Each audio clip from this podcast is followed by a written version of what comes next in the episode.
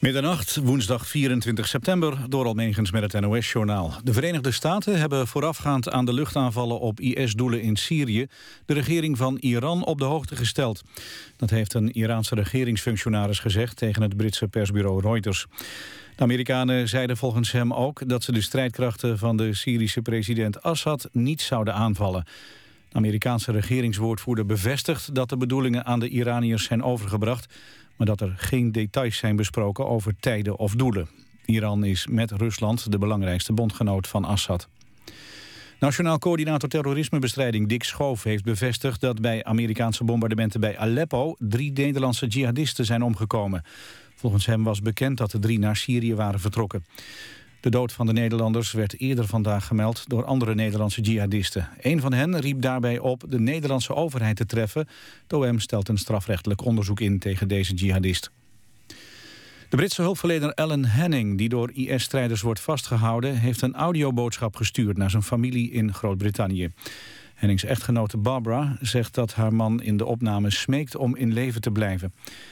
In december vervoerde Henning medicijnen naar een ziekenhuis in het noordwesten van Syrië... toen hij werd ontvoerd door terroristen van IS. Henning was vorige week ook te zien op een video... waarin een IS-militant een andere Britse hulpverlener onthoofde. De gemaskerde bul zei dat Henning hetzelfde lot wachtte... als de Britse premier Cameron de strijd tegen IS blijft steunen. In Rotterdam is een man doodgeschoten in een restaurant aan de Mattenesserweg. De man is beschoten door één of meer daders die in onbekende richting zijn gevlucht, zo meldt de politie. Kort na de schietpartij overleed het slachtoffer aan zijn verwondingen. Zijn identiteit is bij de politie bekend. Het is nog niet duidelijk of het gaat om een afrekening onder criminelen.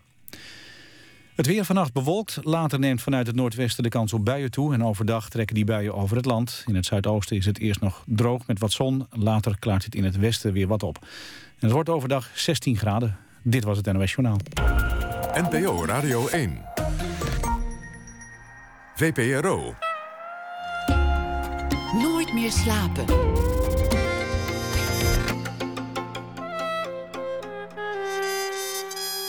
Met Pieter van der Wielen.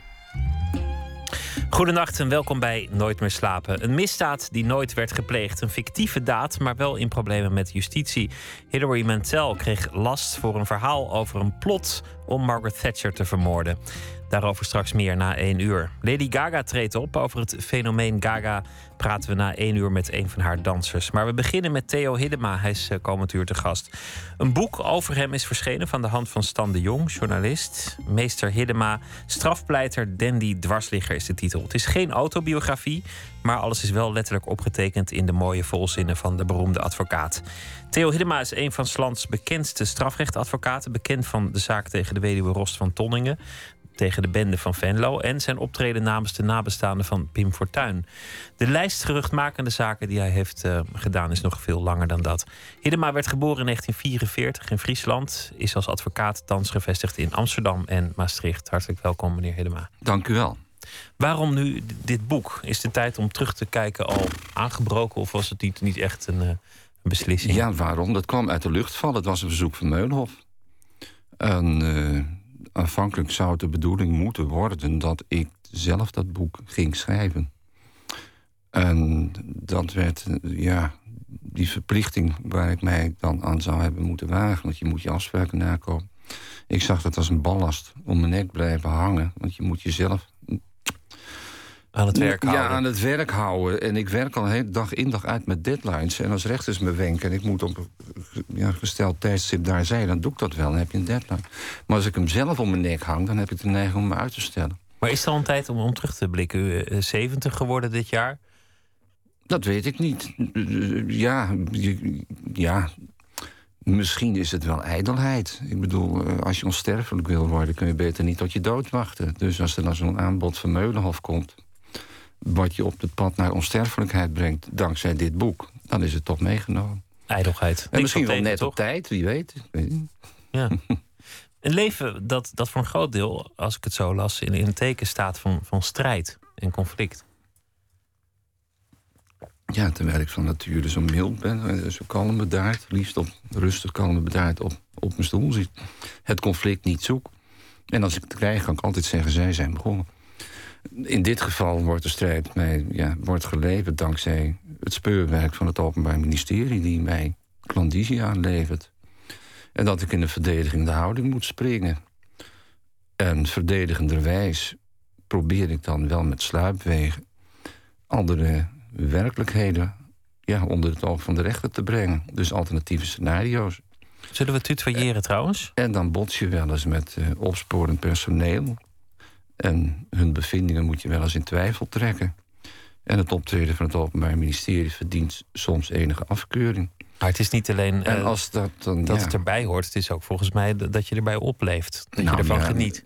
Nou, het, het is inherent aan het werk dat je wars bent van autoriteitenvrees. En dat waar als een reputatie een deukje mag oplopen vanwege ja, de eigen inbreng in het proces wat een, geen, ja, geen, geen, geen prijs verdient. Ja, dan komen ze mij op hun pad tegen. En als je dat nog wel eens overkomt vanwege de aard van de zaak... of de manier waarop ik het aanpak... dan sta je al gauw bekend als wat hier dan heet dwarsliggen. Dat is de enige verklaring die ik ervoor heb gegeven. Ik ben van nature geneigd tot, uh, tot prettige afzijdigheid. Ik zoek niet het conflict, hoor. Nee, ik, ik heb ook niet gezegd dat je, dat je het dit, zoekt. Dit, dit is een kwestie van je gelijk bevechten. Maar het is, het is wel zo, als je, als je het boek leest, een conflict met, met mede-advocaten, met de orde van advocaten, conflicten met, met nou ja, het Openbaar Ministerie, uiteraard, met, met ex-cliënten of, of andere verdachten. Als je het leest, denk je: Goh, uh, meneer Hedema heeft alles behalve een rustig leven achter de rug tot nu toe. Ja, dat is ook zo. Dat is ook zo. Ik kan, kan het niet anders zeggen. En die realiteit dringt nu pas goed op me door, nu ik zelf het boek in handen heb gekregen. En het zelf teruglezen. Ik, ik, sta er niet elke, dag bij Ik heb er nooit elke dag bij stilgestaan. Ik heb van dag naar de dag geleefd. Want je hebt in de strafpraktijk altijd de hete adem van je agenda in, uh, in je nek hangen. Dus als je een avontuur per dag hebt beleefd op een dag... dan ben je in gedachten naar de volgende. Een hinkstapsprong naar de toekomst. Maar dit krijg je opeens als een natte dweilen in je gezicht. 30 jaar avontuur. En als je dat dan terugleest, dan denk ik... ja, dat ik inderdaad van een weerbarstig leven heb geleid. Onder ook, ook. Kan heel volgzaam wezen hoor. Geen autoriteitenvrees, uh, zei je net. Het gaat zelfs iets verder. Ik denk zelfs een zekere afkeer van autoriteiten. Nou, kijk, ja, een beetje wel, denk ik hoor. Ik ben nu ook geneigd tot reflectie, weer dankzij dat boek. Eh, en vanwege dat boek. Ik, ja, ik heb nu een goede bondgenoot. Hè, als, dat boek ligt er. Als ik nu word lastiggevallen, niet door u hoor, of door jou. We zouden het eens even wennen. Met uh, levensvragen of hoe je karakter, karakter weer in elkaar steekt. Of hoe je in hemelsnaam dit werk zou kunnen doen. Kan ik nu zeggen, lees mijn boek maar. Dat is makkelijk, hè? Maar daar, daar zijn we nou niet voor op dit late uur tot elkaar geraakt. Dus ik zal netjes antwoord geven op je vragen. Um, maar ja, het, het, loopt zoals het loopt. En zoals het is gelopen, dat zal ongetwijfeld verband houden met enige vorm van opstandigheid, waartoe ik wel geneigd ben vanuit mijn genen. En dat komt je goed van pas in de strafpraktijk. Een beetje dwars. En dan, ja, dwars niet, niet alles voor zoete koek aannemen, want dat zou voor een advocaat nee, dat geen goede gewoonte zijn. Dodelijk. Een zekere dwarsheid moet je hebben. En dwarse mensen maken ruimte in het leven, zei Comreel. En dat komt je hier goed van pas. Ja, dat is wel zo. Niks, niks zoete koek. Nee, dat niet. Dat zou wat het boek ook kunnen heten. Geen zoete broodjes, geen zoete koek. Toe. Was je vader ook een, een, een dwarse man, zou je dat zo omschrijven? Weer de reflex, lees het boek. Want het, ja. uh, dat, dat, dat, Zal ik het dan gewoon zeggen op basis van het boek? Je vader was ook een dwarse man. Ja, dat was van nature een, een dwarse man, maar ook uh, star in zijn dwarsheid. Uh, daarbij, ik, ik beschouw mezelf als iemand die wel dwars kan optreden... en ook volhardend kan zijn in zijn dwarsheid naar een bepaald doel of, of object toe, dat volhouden. Maar ook de vrolijke nood langs de zijpaden zeker niet. Ja, opzoeken zelfs, en dat had hij niet. Ik relativeer veel meer. Ik heb ook meer zelfspot, en dat had hij nou ook niet echt. Dus het was een uh, moeizaam, ja, heerschap, zal ik maar zeggen, als opgroeiende puber. Om ook met je eigen opstandigheid daar langs zien te glippen. In Holwerd in, in Friesland. In het boek staat beschreven dat je vader, hij was uh, boer, maar, maar niet, een, niet een kleine boer. Hij was, was een soort van herenboer, zou je, zou je kunnen zeggen. Chic geklede man. Hij liep erbij als heren. Hij had een, uh, een boerderij van een omvang waar je wel een herenboer ja, veronderstelt. Maar hij werkte als geen ander.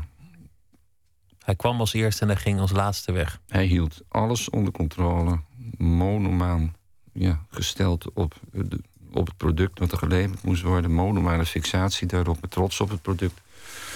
En dat bracht met zich mee dat hij ochtends de hele stoet arbeiders opwachtte... en iedereen alle kanten op dirigeerde. En het afrondende klusje was, ik denk s'avonds een uur of half elf... dan ging hij de stamboekkoeien de staart uit de stront halen nog met een emmer. Dan was het hele bedrijf al verlaten. Wat ik fascinerend vond, was dat um, Hiddema senior een conflict kreeg met zo'n beetje het hele dorp. Dat hij daar in Hol werd op een gegeven moment uit de groep lag. Nou, uit de groep, de hele middenstand deed hem in de ban. Ehm, de middenstand weigerde hem te verkopen. Wat, een, wat natuurlijk een hele gekke verhouding is. Want je zou zeggen, de middenstand ja, wil niks liever dan verkopen. hij had ooit een aanbesteding voor de verbouwing van, aan, de, aan een boerderij. We hadden er twee. En daar heeft hij een conflict mee gekregen met die aannemer. En die heeft hij de opdracht uiteindelijk niet gegund. En dat heeft tot een cordon sanitair geleid. De aannemer zocht steun bij de hele middenstand. En er werd dus niets meer aan ons geleverd. Want alles, wij woonden niet in het dorp, want de boerderij lag buiten het dorp. Dus alles werd in die tijd nog aangevoerd. De melkboek kwam langs, de hoefsmid kwam langs, Jan en Alleman, de bakker kwam langs. Maar bij ons werd niet meer bezorgd. En dat hebben ze natuurlijk gedaan, die middenstanders, in de hoop dat mijn vader dan al door de knieën zou gaan. Maar die zocht uh, hulp elders. Die is in de Friese Wouden gaan zoeken. Dat is zo'n 30 kilometer verderop. En die heeft daar allemaal mensen voor zich gewonnen... die vervolgens de leveranties overnamen. Een principiële man dus die zich niet makkelijk onder druk Nee, hij heeft net zo lang gewacht. Het heeft heel lang geduurd tot het cordon sanitair afbrokkelde... en mensen grondvallig hem benaderen met de boodschap... mogen wij weer leven. Maar hoe was het voor, voor eh, de, de kleine Hiddema als je, als je in Hol werd over straat ging? Werd, je als jongen met de nek aangekeken? Nou, daar heb ik niet zo verschrikkelijk veel, uh, ik wou bijna zeggen, traumatische ervaringen overgehouden. Want dan heb ik er ook nog een herinnering aan. Maar ik heb er nauwelijks herinnering aan. Want toen ik elf was, ben ik al in de kostgezin beland in de grote stad. En in het dorp zelf, als dorpsjongen, trok ik op met de dorpsjongens zonder de gedachte dat ze mij anders bejegenden, omdat ik de zoon was van Grutte Oept, heette dat in Holvert. Fries, hè? Upt. Ik heet ook Upt. Oept, zeg je dan. Maar de sfeer en de teneur...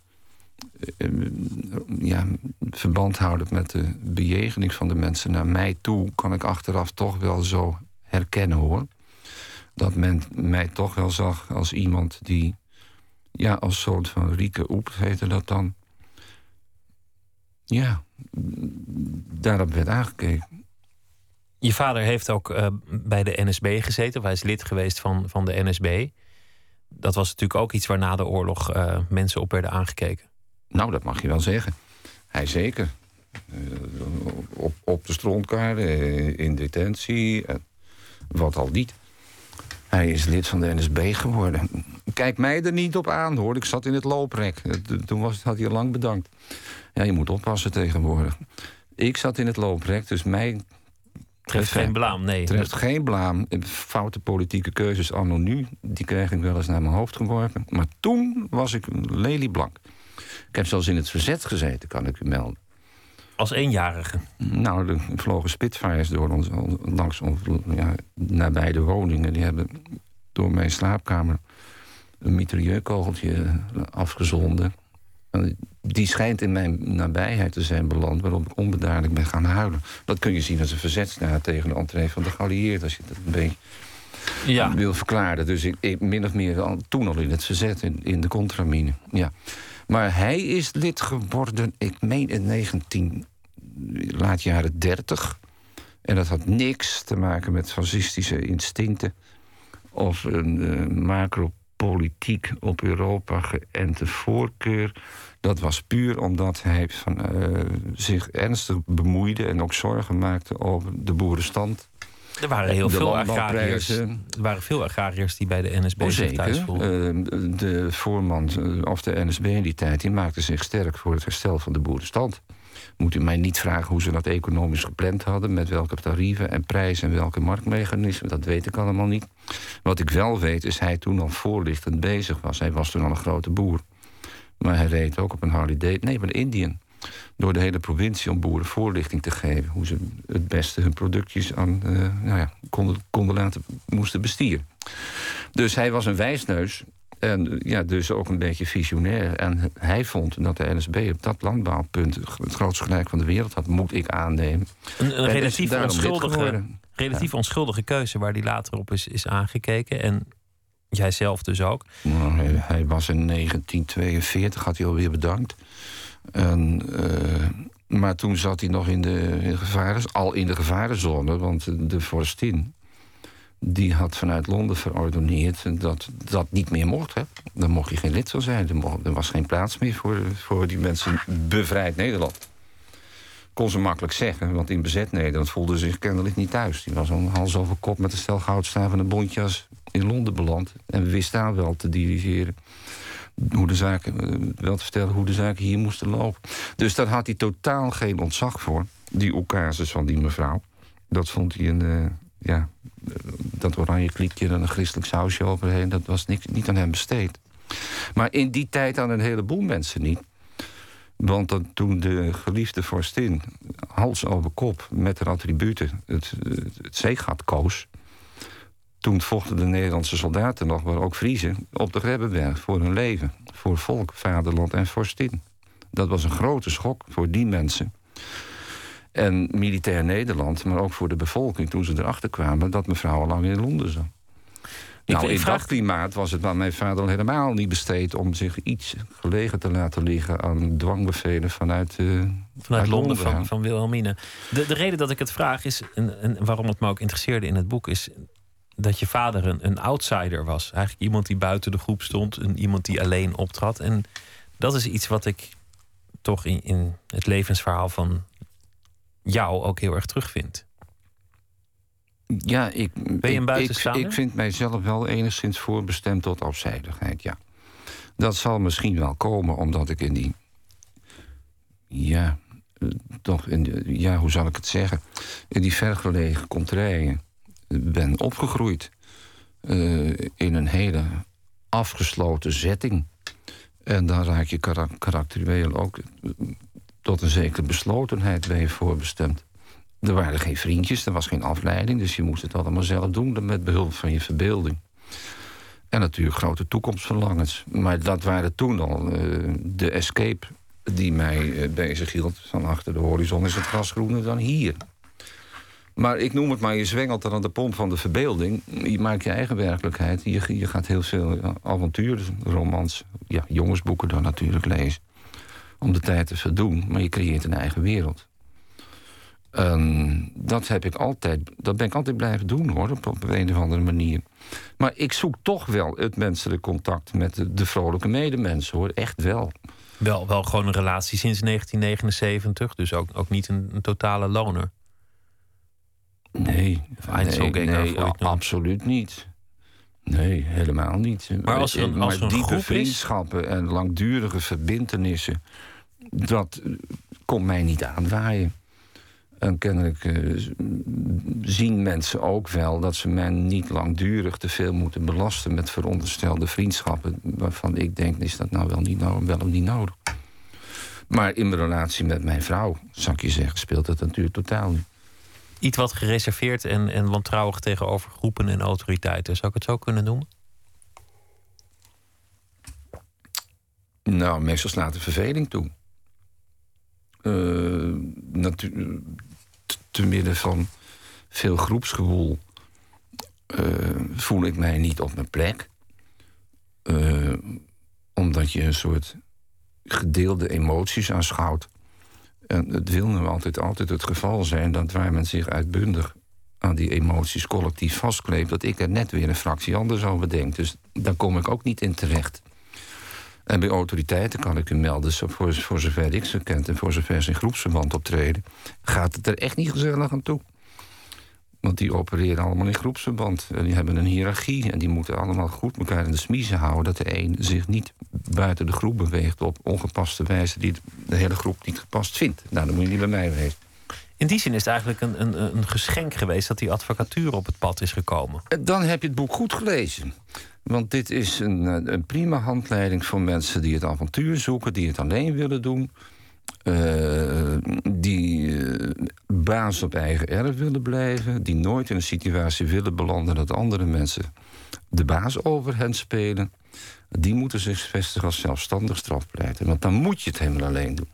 Dus een geschenk. Laten we het zo meteen hebben over, over die advocatuur. Eerst gaan we luisteren naar Leonard Cohen. Die is uh, 80 jaar geworden afgelopen zondag. En we draaien het nummer My Oh My.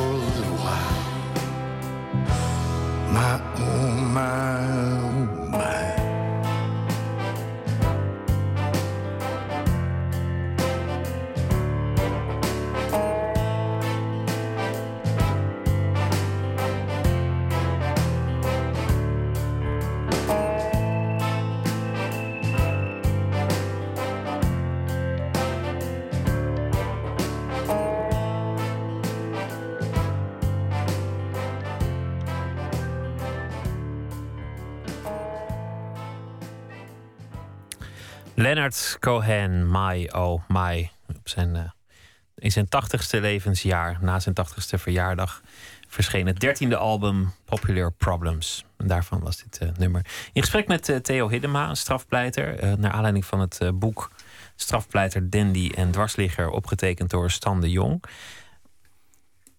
We gaan het hebben over het, het kwaad. Want ik vraag me eigenlijk af of, of je na zoveel jaar in de strafpraktijk nog gelooft in zoiets als goed of kwaad.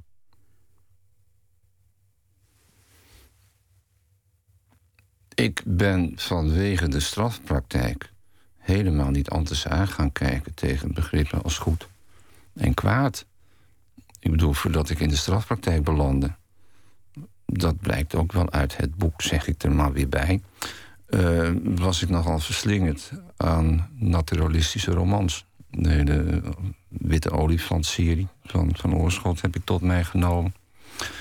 En toen was ik een jaren 15, 16. Dat is eigenlijk veel te jong voor dat soort... Ja, wat ons heilspellende literatuur. Maar het loopt altijd slecht af. En de menselijke ziel is in die boeken altijd als eenling overgeleverd aan onbegrip. En kiest als eenling vanuit eenzaamheid of vanuit rancune. Vaak ook ja, strafrechtelijk getinte handelingen die hem verlossing zouden moeten brengen. Hè? De, uh, Dostoevsky, schuld en boete. Dat zijn allemaal dolende zielen waar het kwaad nou niet overheersend is. En uh, ze door de, de schrijver ook wel met compassie worden omringd.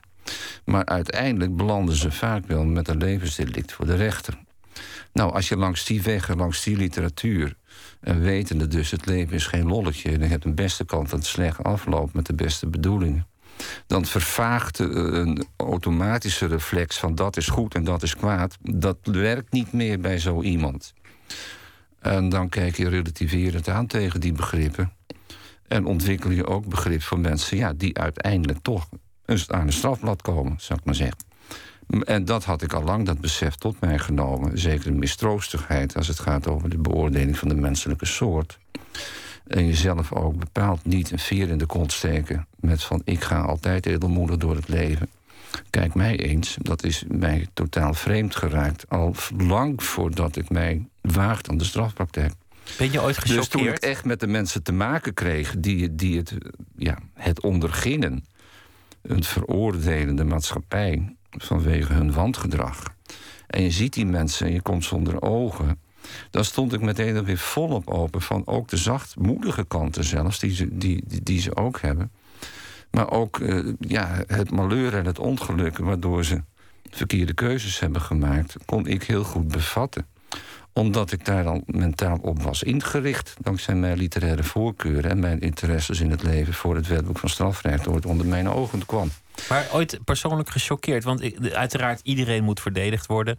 Ook Adolf Hitler uh, had, als hij ooit terecht had gestaan, recht gehad op een advocaat. Dat is een, is een principe. Maar dat wil niet zeggen dat de advocaat zelf niet, niet op een zeker ogenblik denkt: Goh, nou, dit is wel echt een schurkendaad die hij heeft gepleegd. Of ja, dit is wel een heel goor dat, dossier. Dat, dat, kan je heel goed denken. En ja, maar had je nou maar met, te maken met mensen waarvan je kon zien, voelen, ruiken. Er zit geen spatje menselijkheid, zachtmoedigheid, empathie bij deze kerel. Dit is gewoon een moordmachine. Die heb je hoor, de huurmoordenaars uit zekere regionen uit Europa. Die zijn langs de weg van totale verkilling vanuit hun jeugd al, dat kan niet anders. Uh, vanuit de omgang, vanuit een gewelddadig macho-milieu. Uiteindelijk met een grote Glock of Kalashnikov toegerust. Om voor een zak geld iemand mensen van de wereld te schieten. Daar kun je dus verdraaid weinig menselijkheid uit tevoorschijn peuren. Want vrouwen hebben ze minachting voor. En die kerel die waar het om draait, die hebben ze nooit gekend. Die is weliswaar mors dood. Maar dan zien ze op terug als een kwestie van stom pech gehad, snap je? Daar zit helemaal niks menselijk aan. Dan, kun je dat, dan heb je ook geen materiaal waar die, waar, waarmee je die man van je afkeert, wat je zou moeten kunnen hebben, mee zou kunnen confronteren. Spelenderwijs en subtiel, want het is je klant, je gaat hem niet veroordelen. Maar je bent wel eens geneigd om bij mensen toch eens een beetje te peuren. Zit er nog een menselijk kantje aan? Nou, die categorie die dat niet heeft, daar is het dus onbegonnen werk om eraan te peuteren. En dan zeg je ook niet, dan ben je ook niet mentaal helemaal kapot. Want wat je daar ziet, is eigenlijk iemand die alleen maar verdedigd kan worden langs de weg van techniek. Heeft hij het wel gedaan? Vaak ontkennen ze ook. Uh, is het moord, is het doodslag? Dus dan moet je met je juridisch gereedschap kisten, moet je zo'n, ja, noem het maar, een stuk beton uh, van dienst zijn. Dat, dat, dat, dat, dat, dat, dat is vaak wel moeilijk technisch bezien. Je, maar je beschrijft om, in omdat het iemand is die je in zijn menselijk gedaante niet kunt aanspreken op zijn eh, een kleine residu menselijkheid, dan word je zelf ook niet ontroerd of boos of akelig gestemd als je die man onder ogen komt. Het is gewoon een stuk materie. Dus dat, dat, dat, daar heb je het al niet. Maar je beschrijft in het boek hoe veel werk het is om een strafdossier goed te lezen. En, en hoeveel werk het is om ieder eindje aan elkaar te knopen op zoek Ja. naar dat ene losse draadje. Lukt het om dat op te brengen als je iemand echt ziet als een moordmachine? Ehm, extra makkelijk. Ik moet oppassen wat ik zeg, want het klinkt meedogenloos.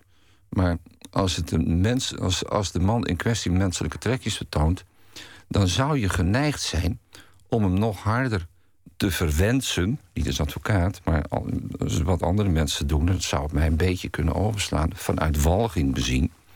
Dat iemand zo'n keuze maakt op het moment dat hij denkt: eh, niemand ziet het. eh, Wat kan mij het schelen? Ik doe het ook een keer. hij zo'n- beter zo- zo- zo- moordmachine die ik, die ik net beschrijf, eh, daar, die stelt je niet in staat om langs de weg van... jongen toch, hoe heb je dit kunnen doen? En dat, dat moet op zijn minst nog wel werken. Dat moet een zekere wisselwerking kunnen zijn... dat je bij, bij, bij iemand invult. Wat ben je toch een walgelijk sujet? Snap je? Dan moet een reactie komen. Dan, eh, het is moeilijk wat ik zeg, maar het is in één keer zo. Zo werkt het. Eh, de meeste mensen die vreselijke daden plegen... daar heb je een, heel andere vluchtroute. Dan heb je, die zijn voor driekwart in de omgang weer hoor... eh, toch ook hebben hun menselijke kanten. En die hebben, daar kun je ook vanwege de menselijke kanten... die gemaltreteerd vaak zijn... eh, door welke omstandigheid dan ook... kun je begrijpen dat op een zeker moment... Die maltrate- die, dat, dat, dat, dat maltreteren... ze naar een wapen heeft doen grijpen... langs de weg van verkilling. Dat wel, slijtage, noem, noem, noem maar op. Dat kan allemaal mentaal bij zo iemand spelen. En dan heb je weer de vluchtweg dat je voor zo iemand begrip kunt hebben. Maar in grote ganzen is het zo dat als je de mensen ontmoet, dan is het, pakt het heel anders uit als dat de baan buitenstaande zou denken, die kennis neemt van een weerzinwekkend misdrijf, dat zo iemand zich presenteert. Dat is vaak dat je met een stom, normaal man, persoon, want dat zijn het meestal, zit te maken die met zo'n gruweldossier te maken heeft gekregen. En dan wordt het interessant. Want dan ga je kijken hoe is het met jou gekomen dat, dat je hè, hier bent beland. Maar het is uiteindelijk ook de taak van de advocaat. En een taak die, die je, nou ja, daar ben je ook goed in.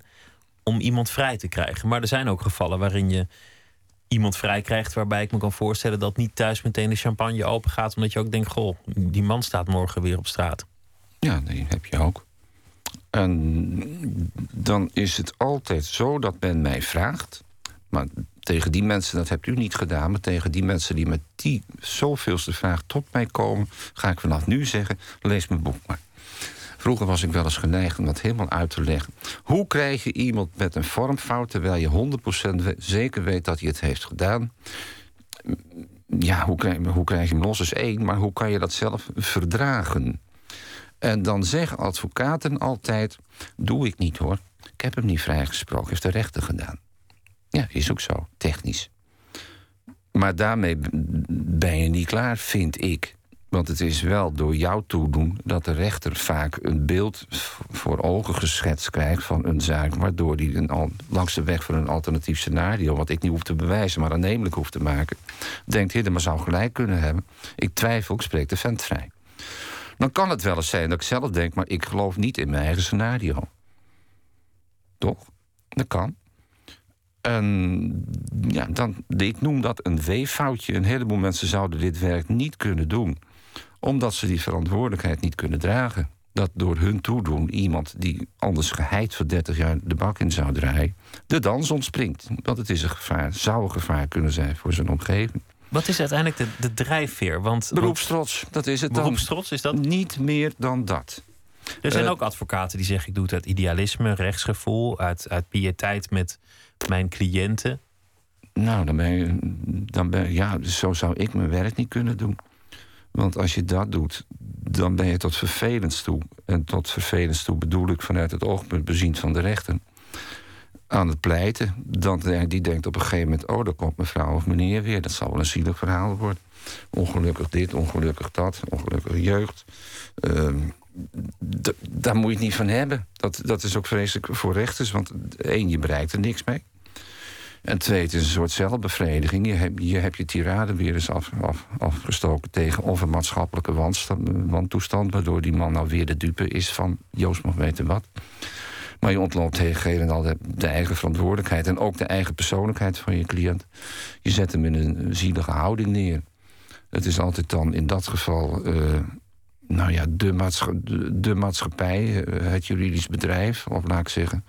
Nee, de maatschappij die zo in elkaar steekt dat er altijd een stel zielenpoten rondlopen... die een pure wanhoop dat er misdaad worden gedreven. Nou, die zijn er niet hoor. Een misdaad wordt niet gepleegd. Vermogensmisdrijven, zal ik maar zeggen. Hè?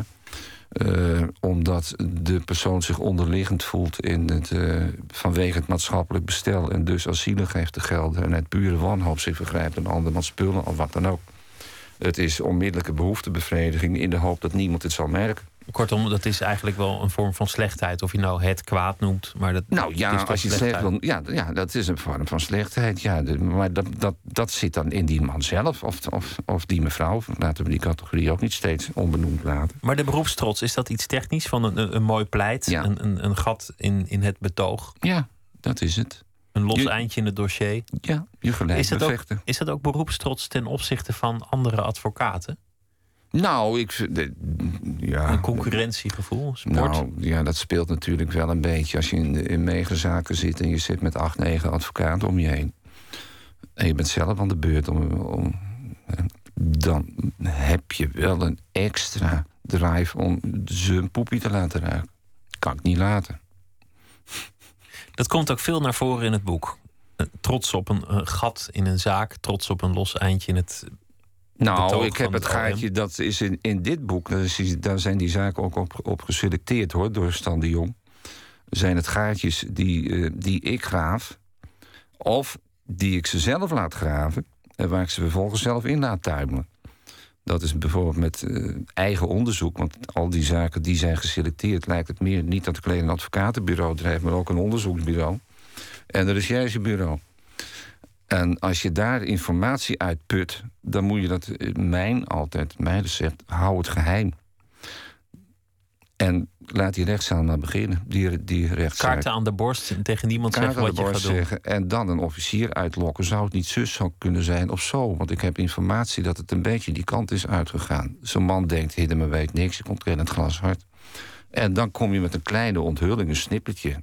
En dan denken ze, oh, is dat alles wat Hiddeman weet? En dan ontkennen ze het ook in een compact verhaal, een breder verhaal... waar ik ook mijn kaart over kan gooien. Dan hebben ze een geweldig gat zelf bij elkaar gepraat, want ze hebben gelogen. En dan tuimelen ze erin. Dan is het de rechter die hen erin duwt. En de kracht is uiteindelijk het lezen. Dat, dat lezen uit die jonge jaren, wa- wat je deed om te ontvluchten aan die eenzaamheid van het dorp. Dat is uiteindelijk wat de kracht is geworden van, van de strafpleiter, omdat je het dossier letter voor letter moet kennen. Ja, ja, dat, ja, dat is zo. Er zijn ook dossiers die aan sommige soort romans p- per- personen doen denken hoor. Dat, dat wil wel eens gebeuren. Maar wat je aan het veel lezen overhoudt, is dat je op hele vroege leeftijd al je, je fantasie aan het werk krijgt. En dan ga je ontwikkel je een visueel talent. Dan zie je een vechtpartij of een schietpartij voor je. En dan heb je een scherp oog voor wat in de ja, verslaggeving van, of, de, of, de reconstructies of in de verklaringen van getuigen staat. Dat kan nooit zo gelopen zijn. En dan, kan het, dan zijn het vaak hele kleine details die je dan. Dat kan de stand van de zon zijn hoor. eh, tot inzicht te brengen. Waardoor je het hele dossier opnieuw moet lezen aan de hand van dat specifieke punt wat je hebt gevonden, wat een nieuw licht op de zaak zou kunnen werpen, waar je eerder geen rekening mee hebt gehouden. Dan moet je dus alles er weer bij betrekken. Als de zon om nog dat niet op aspect was, van extra kracht te voorzien. hoe zou het dossier er dan uitzien en klopt alles dan nog ja, wel? precies. Nou, en zo blijf je maar bezig. Het is tobben en eh, slepen en sleuren hoor. Ja, maar goed, je kiest ervoor. Begrijp je de kritiek op, op de strafrechtadvocaten? Want de laatste jaren is, is er enorm veel geschreven over dat de advocaten te dicht bij de boeven zouden komen staan. Dat de afstand tussen cliënten en advocaten zoeken was. Dat de integriteit van de strafpleiters in het geding zou zijn. Nee, begrijp ik helemaal niks van. Want ik heb nog nooit een zaak meegemaakt waarvan ik denk... ach ja, dus er zijn breken benen. Die hebben wel klusjes geklaard voor, voor grote, grote verdachten. Die heb ik ook wel gehad. Eh, grote verdachten, grote drugszaken die hun bezittingen veilig willen stellen. Uh, die komen dan met bezwaarschriften van de zogenaamde eigenaren van de in beslag genomen spul. Dat is van mij, dan wou ze uit, uit beslag wegrukken. En dan kreeg je wel eens het verzoek: wilt u zo'n bezwaarschrift? Soms wel tien voor tien auto's. Nou, dat doe je natuurlijk niet. Dan stuur je naar een andere advocaat. Die bliksemsgoed weet wat hij schrijft. Niet klopt, maar doet het wel. Omdat er geld te verdienen is. Die zwicht voor, uh, ja, voor de verleiding. En belandt dan in de bak. Wat is gebeurd in de zaak, wat ik bedoel, vervalst in geschriften. nou, is, dit, dan, dan, dan, dan, ja, dan, dan zit je er te dicht op. Je zit er helemaal niet te dicht op. Je ruikt even zijn geldzakje en je wil je slag staan je bent de klos. Ik ben met te dicht op zitten. Ik denk dat jouw vraag bedoeld is dat je gemene zaak maakt op een ongepaste wijze met je criminele klandizie. Spinnenwebjes voor ze maakt om ze financieel veilig te stellen voor de greep van justitie. Toch? Constructies of laten bellen vanuit je kantoor omdat het niet afgeluisterd mag worden. Ja, of, nou, nou dat, ja, dat soort dingen. Ja, dat, nou, die heb je ook wel, ja. Is het een wereld waar de, waar de verleiding, want dat, dat, is, dat hoort bij goed en kwaad, misschien af en toe iets te veel gevolgd wordt door advocaten? Omdat het toch ook een wereld is van glamour, mooie pakken, grote huizen, snelle auto's? Ik weet het niet, maar ik kan je zeggen... als men mij een glamour-advocaat noemt... dan moet je een poosje meelopen. Mijn dag begint met een wandeling langs het Singel... naar het Centraal Station.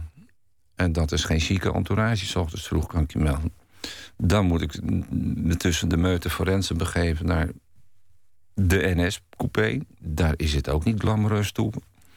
Dan kom ik eruit in een taxi naar een huis van bewaring... wat tegenwoordig meestal is gevestigd in een gore industriewijk... ergens in een grote stad. Dan kom je daar terecht, veters uit de schoenen, riem uit... al je metalen voorwerpen eruit. En uiteindelijk word je in een cel gegooid... waar je met je cliënt mag spreken. Maar dit die zich allemaal... vaak niet helemaal heeft gewassen. Dus het, het, het, het, is niet al te fris, maar laat staan... dat hele traject, dat kun je niet glamorous noemen, hoor. Het hoeft voor mij niet allemaal op een tweedehands brommer in een trainingspak... maar wel in een mooie maat gepakt, Brussels uh, handgemaakt pak. En de mooiste auto ooit gemaakt in de, in de geschiedenis van de mensheid. De Aston Martin is nou, in het bezit dat, van de heer Hiddema. Dat streelt mijn oor. Wat je, wat je, wat je, wat nou, is waar toch? Een prachtige wagen. Ja, dat is het ook. Dat is toch een beetje klemmer. Ja, maar dat, dan ben ik toch geen advocaat meer. Als, als ik mij daarin rond beweeg. Mijn auto's staan allemaal in Maastricht. En als ik vanuit Amsterdam opereer, dan moet het allemaal met een taxi en te voet. Want ik wil daar geen auto. Dus in het dagelijks leven weinig glamour tot je in Maastricht bent en daar in de Esten. Maar... Ja, ja, maar goed. Ja, nou, men heeft de hebbelijkheid om als je een aardig pak aan je, aan je, aan je lijf hebt hangen... of in een auto rondrijdt die enig opzien vermag te baren... dat ook je dagelijkse bestedingen, dus mijn, mijn pleiterij... ook wel in de luxueuze setting zich zal ontwikkelen. Nou, dat is niet zo.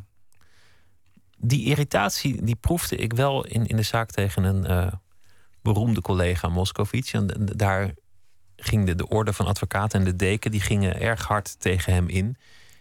En ik, ik proefde erg in die zaak een, soort ergernis over publieke optredens, chique feesten, dure spullen, ja, vertoon. Kijk, wij hebben binnen de advocatuur, daar slaat het management toe. En wij worden vanwege hoger geplaatsten, want zo moet je ze zien, het zijn ook advocaten over geregeld lastige gevallen met nieuwe reglementen, decreten, oecases, uh, tuchtrechtelijke ja, oprispingen, zal ik maar zeggen. Uh, die ervoor moeten zorgen dat de strafrechtadvocatuur zich netjes gedraagt. Oké, nou daar is niks op tegen. Maar het punt is dat al die types die in het management rondlopen... en die grote kantoren, want ze worden steeds groter... ze krijgen ook allemaal medewerkers...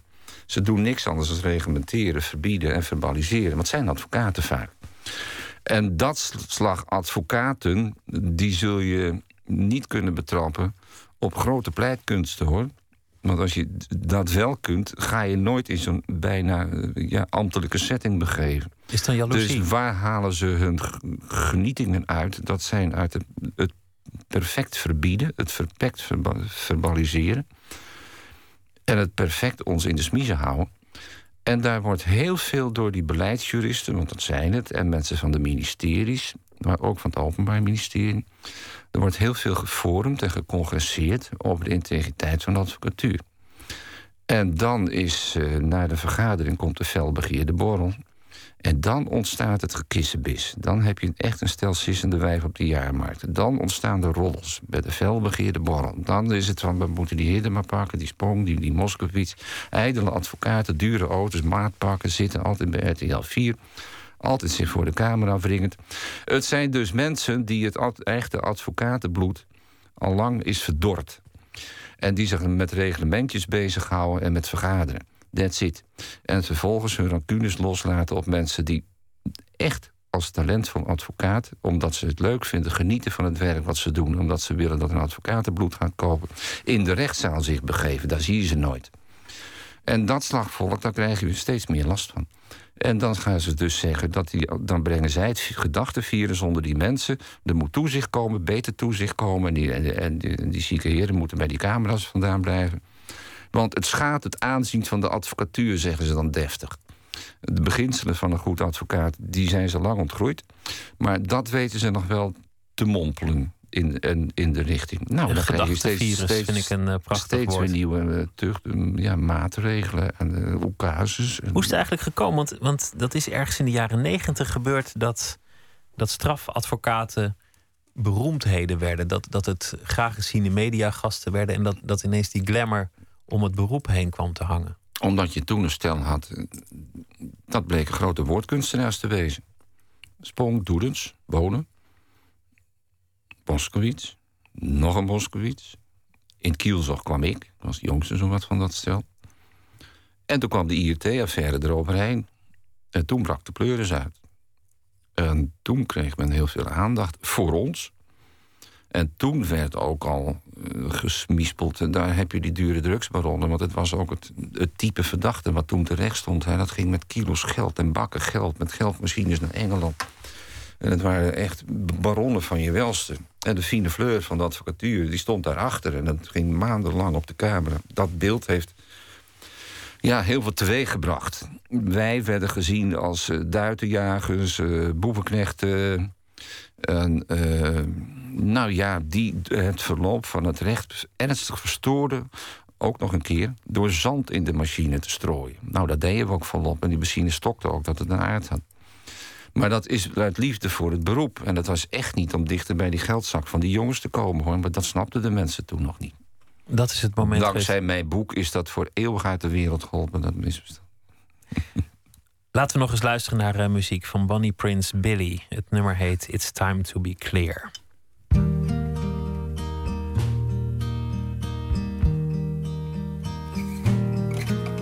It's time to be clear. They told me he's gone, and now I sing in your ear. No time to peel the wallpaper or swing from chandelier. No, do something to show that you know. It's time to be clear.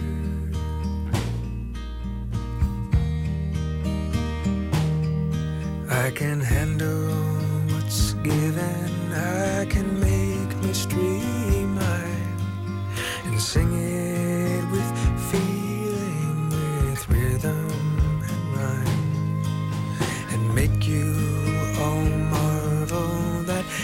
this is your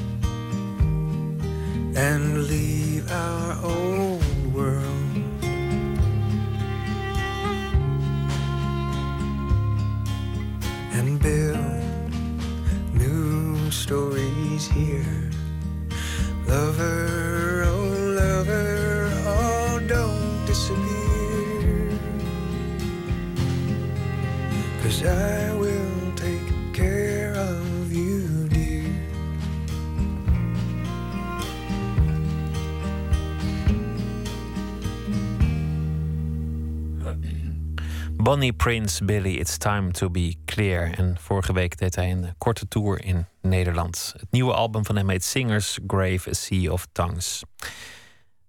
Meester Hiddema, Theo Hiddema zit eh, tegenover mij.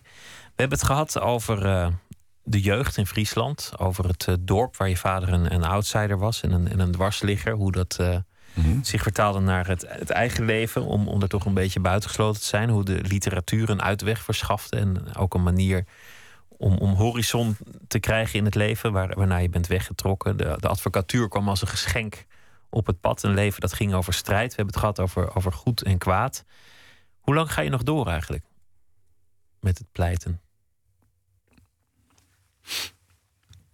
Nou, nou, dat boek eruit is, is dat natuurlijk een extra boost voor mijn carrière. Dus ik word nu oversteld door mensen die mijn hulp en assistentie nu acuut nodig hebben. Want dat is een heel verlossend boek voor hen.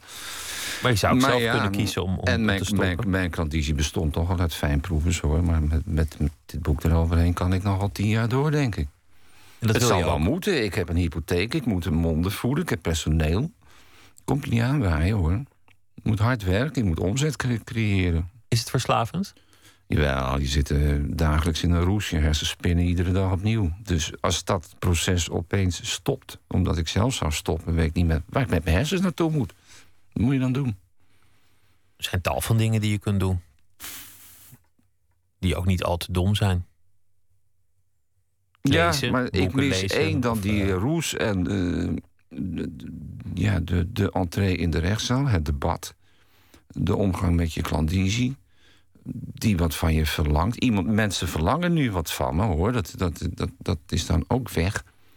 En ik leid een prettig bestaan, want ik, ik heb nooit mij werkenderwijs in een bureausetting thuis gevoeld. Dus ik, ik ben altijd onderweg.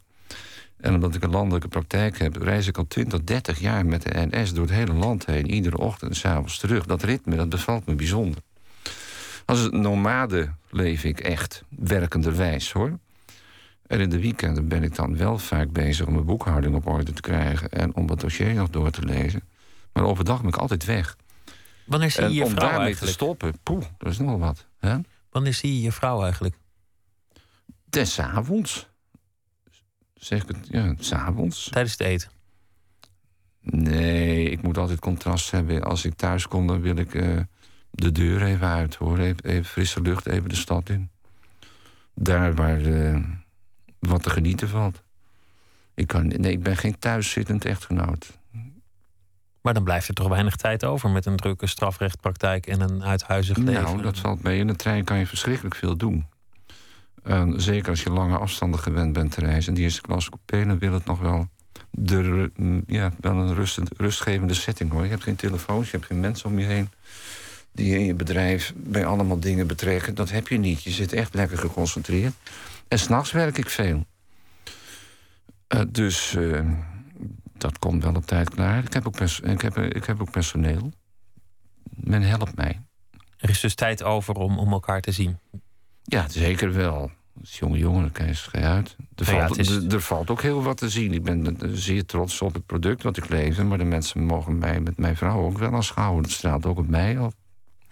De politiek gaat het ook over in het, in het boek. We hadden het over eh, een buiten de groep staan en een, een soort eenling zijn en dwars zijn. Dat, dat is een karaktertrek die Pim Fortuyn kenmerkte, denk ik. En die Geert Wilders ook in zich heeft. Dat zijn allebei outsiders. Het zijn niet mensen die in die politieke kasten helemaal zijn grootgebracht. Hoewel Nee. bij Wilders zou je erover kunnen discussiëren, want die loopt ook al ontzettend lang daar rond, maar vooruit.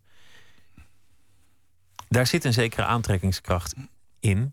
Hoe- ver gaat het eigenlijk? Want- Want je, je uit je in interviews steeds vaker politiek. In het boek is er ook veel tijd voor ingeruimd. Hoe, ver gaat die eh, betrokkenheid? Nou, die betrokkenheid die komt niet zoveel voor dat ik mij als een bedweter of een, laat staan een messias in politiek opzicht onder, onder, onder, onder de mensen wil geven. Maar ik kan niet tegen hypocrisie, schijnfatsoen en onbenul. En, ehm, en helemaal niet tegen zedenprekers die met vrome gelaat eh, van, eh, ja, wel van de juiste partij daartoe behoren, om het maar zo te noemen. Ook mij de les wensen te lezen. En eh, ja, ik vind dat vaak van die opgeblazen types. En iemand die zich opblaast, dan moet je net bij mij wezen. Dan, dan ga je kijken of die volume heeft. Want wat volume heeft, hoeft ze niet op te blazen. Nou, wat je tegenwoordig ziet, is een parade van betrokken gezichten. En zeer correct politiek zich onder de mensen begeven. Maar stelt inhoudelijk niks voor. En Fortuyn en Wilders die komen sec met ja, dingen, eh, eh, slik het of stik het. Maar dit is mijn programma en daar sta ik voor. En als dat staan voor betekent dat de individuele vrijheid en niet de groepsdwang van het correcte politieke leven zoals dat nu woedt en heerst, eh, maar dat de individuele vrijheid op de voorgrond komt te staan, dan ben ik daar pal voor. Maar zou een directere betrokkenheid in de, in de vorm van een adviseurschap of, of een actief lidmaatschap, zou dat iets zijn?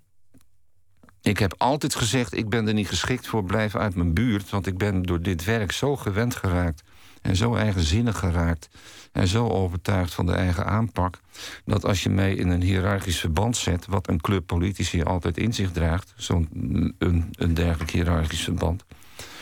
dan krijg je altijd te maken met mensen die zich... eh, ja, op, die hebben lange tenen, die voelen zich gepasseerd... of worden overroeld naar hun inzichten, omdat ik nogal me gelijk wens te bevechten. Pas komt kijken in zo'n club. En dan loop je toch tegen allemaal coalitiebelangetjes op, of partijbelangetjes. En dan wordt mijn individuele vrijheid natuurlijk in de omgang met mensen. Dat verschraalt. En dan, word ik, eh, dan, dan ben ik niet te handhaven. Dat is eigenlijk Nee, tragisch, ik dat- voor. Dat, Maar dat onderhand ben ik bijna geneigd om te zeggen in de vorm van adviseurschap, tekstschrijver of god mag weten wat, een, eh, een, een uitventer van ideeën en doe er maar mee in de praktijk aan, hè, op de vierkante meter van het politieke debat. Doe er maar mee en grijp ze in hun nekvel, die hypocrieten, want dat zijn het. Dan ben ik je man. Dat zou ik misschien wel eens willen doen, ja. Voor de PVV dan? Ik zie geen andere mogelijkheid om mijn eigen gelijk langs de, eh, onder de, ja, in dat parlement te brengen. Nee. Ik ben benieuwd of ze, of ze reageren. Nee, me- het is geen sollicitatie hoor. Oh. Het is meer een, een, een verzuchting. Ik heb altijd gezegd, vanuit een reflex ook bijna, ik meen het ook oprecht, nee, moet je niet bij mij wezen. Maar gaandeweg denk ik, iemand moet het toch doen? Het is, het is een goede zaak om op te staan voor, voor idealen en, en belangen in de maatschappij. Als iemand de energie en, en de talenten heeft, Ja. dan, dan heeft de samenleving daar ook wat aan, lijkt me. Dank dat je te gast wilde zijn, eh, Theo Hiddema. Het eh, boek heet Meester Hiddema, strafpleiter, dandy en dwarsligger... en is eh, geschreven door Stan de Jong. Hartelijk dank en eh, een goede reis Alsjeblieft. terug. Tot ziens. Zometeen gaat Nooit meer slapen verder. En dan hebben we nog heel veel verhalen. Onder andere over een fictief moordcomplot tegen Thatcher. Twitter, @vpro_nms of via de mail nooitmeerslapen.vpro.nl. Graag tot zometeen.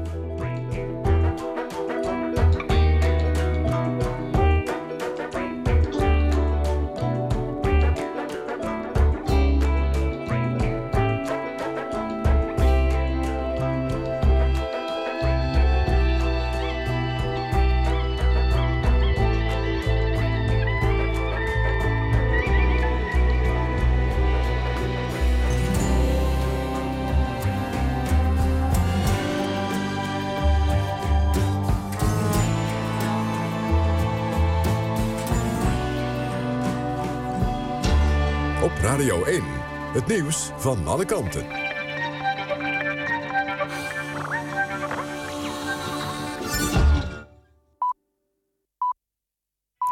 1 uur door Almegens met het NOS-journaal. De Verenigde Staten hebben voorafgaand aan de luchtaanvallen op IS-doelen in Syrië... de regering van Iran op de hoogte gesteld.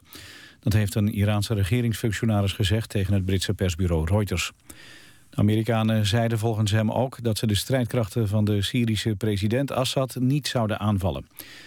Een Amerikaanse regeringswoordvoerder bevestigt dat de bedoelingen aan de Iraniërs zijn overgebracht, maar dat er geen details zijn besproken over tijdstippen of doelen.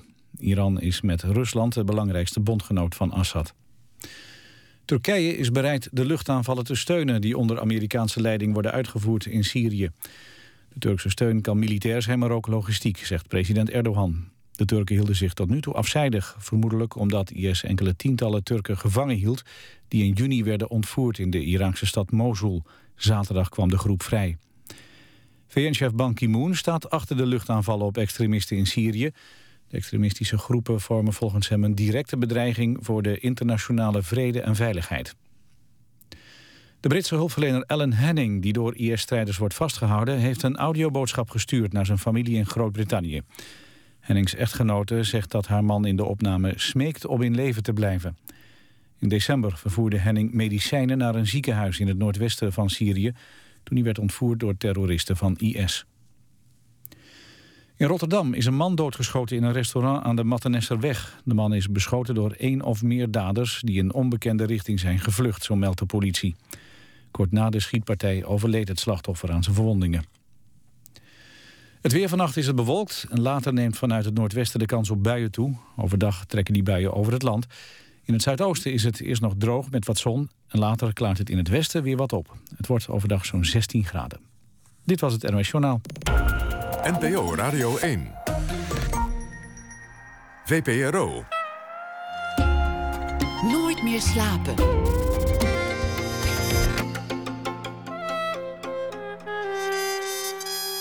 Met Pieter van der Wielen. U luistert naar Nooit meer slapen. We beginnen dit uur met een schrijver die we iets laten schrijven bij de voorbije dag. En deze week is dat Zeet Bruinja.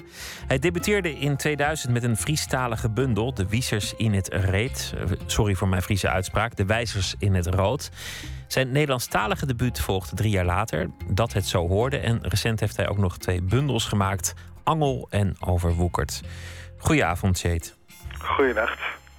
Uh, wat was het voor dag vandaag? Uh, vandaag was een dag dat ik uh, veel moest werken met het werk van mijn studenten. En ik geef les in Arnhem aan de creative writing studenten, ARTES. dus daar heb ik veel naar gekeken en ik heb een beetje het nieuws zitten afstruinen. En ik kwam daarbij een, een grappig nieuwtje tegen over een boek met uitvindingen die het niet hebben gehaald. En daar heb ik een column over geschreven. Wil je die meteen voordragen? Dat is misschien een goed idee. Ga je gang. Op de website van de Engelse krant The Guardian was vandaag een indrukwekkende lijst uitvindingen uit de Victoriaanse tijd te bewonderen, die het ondanks de genialiteit van de uitvinder niet hebben gered. De lijst is afkomstig uit het nieuwe boek Inventions That Didn't Change the World van Julie Halls, design specialist van het Nationaal Archief te Londen. Het bestuderen van een aantal voorbeelden uit Halls boek was een oefening in nederigheid. Wat te denken van een schoen met draaibare hak, die je kunt verstellen als hij aan één kant afgesleten is. Ik zou daar zeker iets aan hebben aangezien door mijn platvoet en kromme benen mijn schoenen na een regenbuitje stevast veranderen in watertanks. De hoge hoed die ik kon inklappen tot bolhoed is niet aan mij besteed. En het duikpak met de badstop ter hoogte van het geslacht... die de duiker de mogelijkheid zou bieden om zonder het zware pak uit te hoeven trekken... toch vrij te kunnen urineren, heb ik ook niet nodig. Ik heb last van claustrofobie, dus het verkennen van grote donkere dieptes zit er voor mij niet in. Mijn eigen uitvindingen beperken zich vooral tot vreemde voedselcombinaties... die ik als jongetje bedacht tijdens de jaren tachtig. Ik was een zoete kou en genoot in de pauze op de middelbare school in Leeuwarden... onder het gelach van mijn klasgenoten van een boterham met jonge kaas en chocoladevlokken. Ook wel cacao-fantasie. Of van een broodje boterhamworst met hagelslag. Overigens maakte boerenzoon Jan Harm Bosma het nog bonter. Hij maakte geen mix per boterham, maar stapelde zijn eigen clubsandwich van dikke sneeën volkorenbrood, vleeswaren, sandwichbread en jam. Met gemak nam Jan Harm een hap van die driedubbele boterham. Het was een wonder dat zijn mondhoeken niet vreselijk uitscheurden. Mijn opa was nog creatiever. Hij timmerde extra trappers op de trappers van mijn fiets, zodat ik eerder op die fiets kon en hij was de eerste van het terpdorp met afstandsbediening voor zijn televisie. Van een oude bamboehengel maakte hij een lange stok waarmee hij vanuit zijn luie stoel de tv bediende. Daarnaast leek hij op wonderlijke wijze zijn afval weg te kunnen toveren. Na zijn dood bleek dat hij onderaan de terp een groot gat had gegraven... waarin we een halve omgekeerde vuilnisbel terugvonden. Mijn oom wist de boel net op tijd te saneren... voordat de gemeente Dongeradeel erachter kwam... en we de riante erfenis moesten aanspreken om de boetes mee te betalen. Als 40-jarige heb ik waarschijnlijk nog een jaar of dertig om de mensheid te verblijden met mijn vernuft. De parasol met kijkgaten of de drie, drietandige augurkenvork met draaibare middentand hoef ik niet meer te bedenken. Die zijn respectievelijk in 1844 en 1860 al uitgevonden in het nog immer Verenigde Koninkrijk. Misschien moet ik mij eens gaan richten op het verspreiden van een van mijn favoriete Engelse uitvindingen uit een recente tijdvak. In de jaren 90 bedachten acteurs en schrijvers Ade Edmondson en Rick Mayall als de eeuwige vrijgezellen Eddie en Richie in de serie Bottom een geheel nieuw spel toen hun tv-stuk ging. Het spel kan vertaald worden als hoeveel gele vla past er in jouw onderbroek? Ik kan me niet voorstellen dat er voor een dergelijk spel geen toekomst is weggelegd in ons kleine koeienland. Eindelijk heb ik mijn roeping gevonden. Mooi. Het is wel interessant hè, met, met uitvindingen. Dat, dat sommige dingen het redden en andere het niet redden. En dat het toch niet altijd heel erg aan de uitvinding ligt. Ja, nou ja, zo'n zo stop in, je, in, een, in een duikerspak, daar kun je van denken van, ja, dat lijkt me niet echt handig. Je wil niet echt een extra gat in je duikpak hebben, denk ik. Nee, misschien ook niet. Ik heb wel eens voor de VPRO-televisie een reportage gemaakt over uitvinders. En dan trof ik ook een hele sympathieke man die in een caravan woonde in afwachting van het grote succes. En, en die had dan een, uh, een tubeknijper uitgevonden, wat, wat best, een, best een briljant idee was. Maar ja, de vraag is ook hoe lang moet je doorzetten met een plan en wanneer moet je het opgeven? Ja, dat mist eigenlijk een beetje in het, in het artikel uh, dat ik hierover las. Dat je, de, de verhalen ik, uh, achter die uitvindingen. Maar misschien staat het wel in het boek. Dat lijkt, dat lijkt me ook inderdaad, dat zijn de interessante verhalen van die mensen. Ze zijn misschien wel heel trieste figuren. Of ze hebben gewoon weer iets nieuws uitgevonden wat wel uh, aangeslagen is, dat weet ik niet.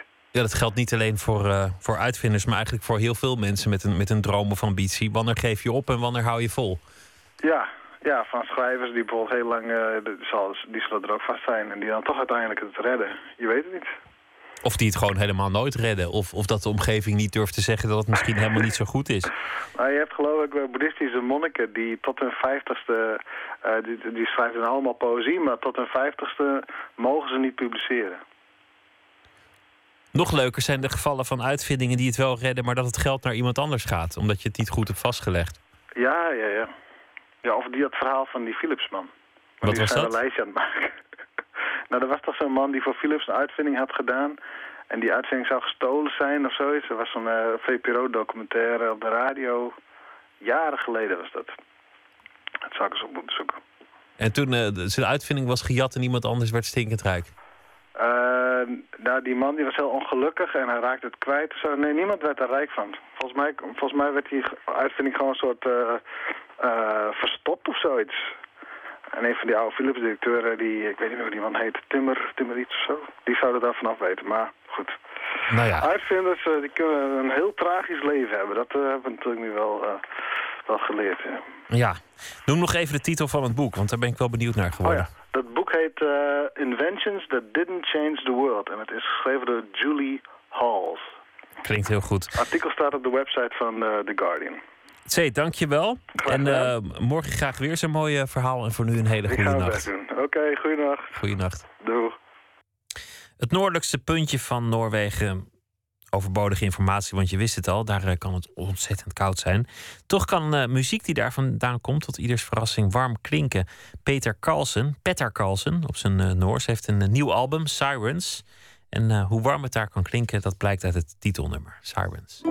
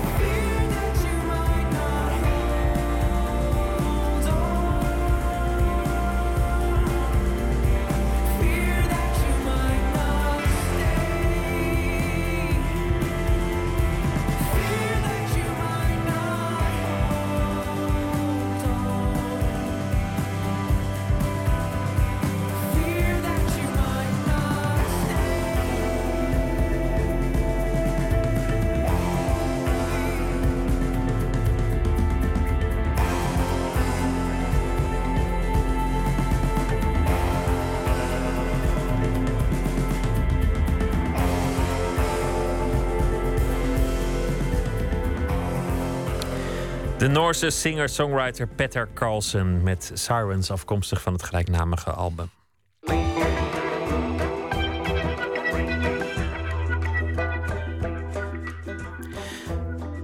Een grote Amerikaanse droom. Als Nederlander verhuizen naar het grote Amerika om het daar te maken als danser. Het lukt bijna niemand. Giannini Semedo Morera is het gelukt. Hij woont sinds een aantal jaar in Los Angeles. De danser en choreograaf werkt samen met supersterren als Rihanna en Shakira en toert met acts als Cirque du Soleil. De komende dagen is hij eventjes in Nederland vanwege een wereldtournee samen met Lady Gaga, die morgen in de Ziggo Dome staat. Verslaggever Nicole Terborg zocht hem op thuis bij zijn moeder in Rotterdam.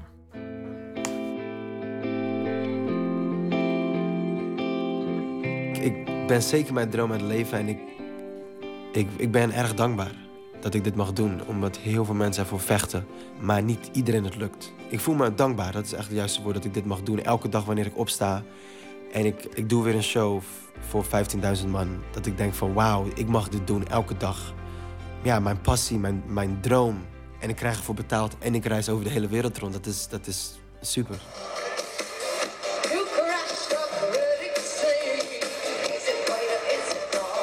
Ja, het was een fragment van onze, uit onze show.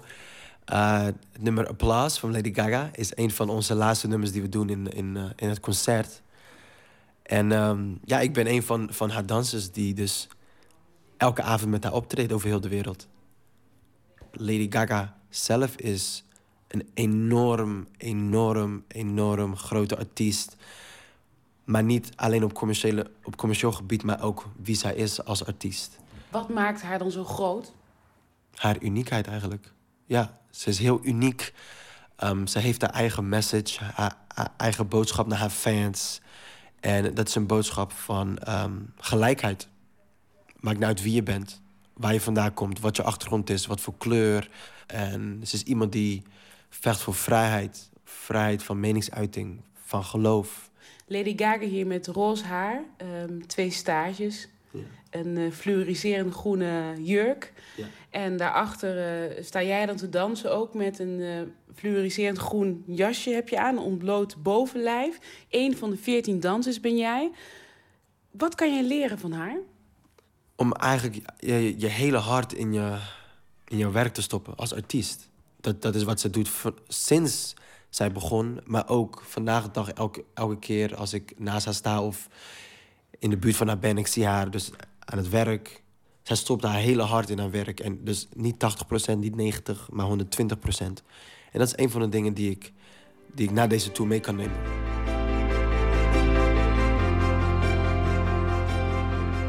Ja, we zijn hier in Rotterdam. En ik ben hier met mijn familie. Um, mijn moeder en mijn broertjes. En mijn vrouw die ligt te slapen, want die heeft een uh, grote jetlag. Hier uh, aan tafel en in de hoek staat een uh, hoekbank met daarop je moeder, twee broers en vriendin. En hoe is het om weer samen te zijn met je familie? Ja, geweldig. Ik heb mijn moeder, geloof ik, een jaar lang niet gezien. Dus uh, dit is wel eventjes verfrissend, om maar zo te zeggen. En ook mijn broertjes, uh, die, die spreek ik wel... Ik spreek ze wel allemaal over Skype en WhatsApp, maar toch niet, het is toch niet hetzelfde. Mijn eerste grote break voor mij was het werken met Rihanna. Ik werd benaderd uh, via Facebook door haar assistent-choreograaf of ik de American Music Awards wilde doen met haar. En dat, dat was dus eigenlijk gewoon één optreden. En dat that, that's it. En dat was enorm. Maar ik hoorde toen, twee, drie weken later, dat zij op tour gaat. En zij heeft nog één jongen nodig. En die dag was uh, volgens mij een auditie van zes uur lang. Ik zat bij de laatste 50, bij de laatste 30, bij de laatste 10, bij de laatste drie. En toen werd er een, uh, een, eigenlijk een clipje opgestuurd naar Rihanna van de laatste drie. Ik en dan twee andere jongens. En toen was het wachten. En Rihanna moest dus beslissen van dat clipje... welke van deze drie jongens neem ik aan. En ik kreeg dus toen een weekje later... kreeg ik dus een sms'je van, van de choreograaf. Congratulations. En ik dacht, wat bedoel je? En hij zei, well, you booked the world tour. You want to do it or not? dus toen, um, ja, dat was toch een moment. Ik was, zat toen volgens mij in de gym. Was ik dus aan het, uh, was ik volgens mij uh, wat gewicht aan het heffen, geloof ik. en ik, uh, zakte door knieën. En ik, ik, ik was volgens mij aan het huilen. Dit was een, een erg emotioneel moment voor mij. Dat ik ja, voor het eerst op tour ging met een groot artiest. Giannini, I know, I know that you will be top four. Not only would he be top four here, you would be top four anywhere in the world. Dit is een fragment uit So You Think You Can Dance, een aantal jaren geleden. Uh, daar heb jij meegedaan. En dat was Dan Carity. Die zei van je zou niet alleen in de top 4 hier behoren, maar ook in de rest van de wereld. Als je dit zo terugziet, hè, wat denk je dan? Ja, het, het is um, sinds die dag eigenlijk is er zoveel gebeurd tot nu toe. Het is, in, is nu al ongeveer zes jaar geleden. En er is eigenlijk zoveel gebeurd. En, ja, het, ik geloofde zijn woorden. En dat heeft me eigenlijk een, een enorme boost gegeven in mijn um, vertrouwen in mezelf. En daardoor zijn heel veel deuren opengegaan. Je zat in jouw eerste jaar van je bacheloropleiding dans in Rotterdam. Je deed mee aan So You Think You Can Dance. En toen besloot je om alles achter te laten en naar de Verenigde Staten te gaan. Naar L.A., waar de concurrentie moordend is. Er zijn maar heel weinig mensen die het redden. Hmm. Waarom besloot je om weg te gaan? Ik heb toen dus de keuze moeten maken, school of stoppen met school en naar Amerika. En ja, ik, ik ben iemand die toch wel erg mijn, mijn hart volgt, mijn gevoel volgt. En ik voelde gewoon, ik moet naar Amerika. Was een moeilijke keuze, maar ik heb de keuze zo gemaakt. Mijn moeder heeft me geholpen om eigenlijk alles te sparen en naar Amerika te vertrekken. En mijn hart vertelde, dit is wat ik moet doen. Het was een, nogmaals, het was een moeilijke keus. Maar ik ben iemand geweest die altijd risico's neemt... in plaats van spijt hebben van dingen die ik niet heb geprobeerd eigenlijk. Dus zo, die gedachte heb ik altijd gehad. Um, en dat nam ik ook met, met deze beslissing nam ik dat mee. Ik wist niet zeker of het zou lukken, maar ik dacht, ik moet het gewoon proberen.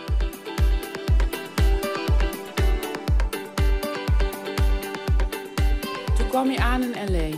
Ik zei net, de concurrentie is moordend. Kan je beschrijven hoe dat is daar?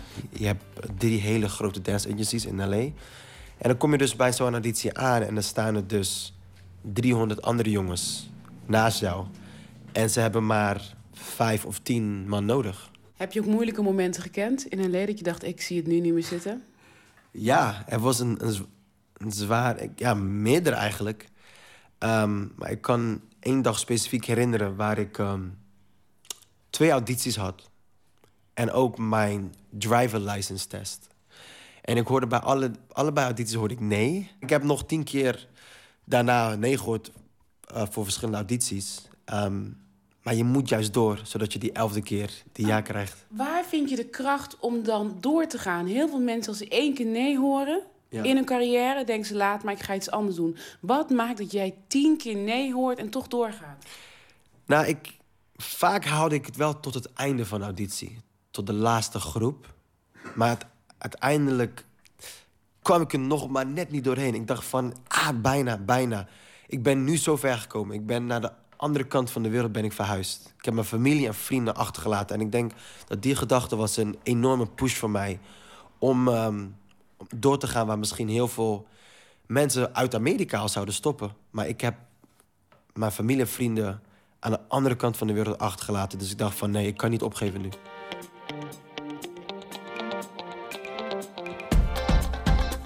Het, het heeft heel veel te maken met hoe sterk ben jij zelf. Uh, hoe, hoe sta je in je schoenen? Maar mijn moeder was heel belangrijk in dat. Die heeft altijd gezegd... je moet in jezelf geloven. Je kan het, je kan het, je kan het. Zodra je zegt, ik kan het niet... dit is wanneer je gelijk hebt. wanneer je zegt, ik kan het... dit is ook wanneer je gelijk hebt. Dus de keuze is aan jou. Ja, jouw moeder die, die zit daar op de bank. Hè? Ik heb begrepen dat zij net uit uh, Suriname komt. Koffers staan nog uh, in de woonkamer. Ik ga heel even naartoe lopen. Mag dat eventjes? Ik loop even naar haar toe. Ja. Hi. Gloria Botsen. Yes. Ook uh, manager, hè? Ja. Van, uh, je hebt vijf zoons van jouw zoon, Giannini. Hij vertelde net, uh, geloof in mezelf is onder andere door mijn moeder. Mm -hmm. Wat denk je dan als je dat hoort? Oh, vind ik natuurlijk trots, dankbaar dat hij dat zegt. En dat het dit ook zo ervaren heeft. En ik heb het eigenlijk altijd als heel vanzelfsprekend gezien. Hij, ging, hij wilde dansen, nou ja goed, dan doe je dat. En daar heb ik achter gestaan. Waar zie jij jezelf over vijf jaar? Over vijf jaar zie ik mezelf nog steeds in LA. Ehm, en hopelijk uh, het regisseren van films. Dat is het volgende wat ik wil doen. Ik, uh, ik ben nog erg jong nu, ik ben 26 en mijn lichaam is nog fit. Dus uh, ja, dans is nog steeds mijn passie en dat zal altijd mijn passie blijven. Dus dat zie ik mezelf ook wel nog doen. Maar eerlijk gezegd ben ik mijn droom nu aan het leven. Dus nu heb ik een, eigenlijk een nieuwe droom. En dat is dus regisseren van, van films, van cinema. Dus hopelijk over vijf jaar kun je in Nederland naar Pathé en wat films van me zien.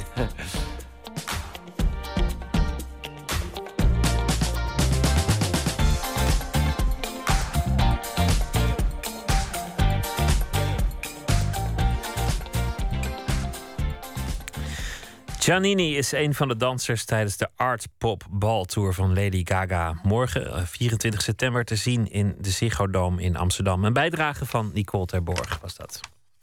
De Amerikaanse soulzangeres Dee Warwick vormde samen met haar zus Dionne Warwick en moeder van Whitney Houston het zanggroepje The Gospelairs. Dionne Warwick brak even later internationaal door. Hetzelfde overkwam het nichtje Whitney Houston. En zelf scoorde ze maar een paar hits in de jaren 60 en 70, zoals deze Do It With All Your Heart.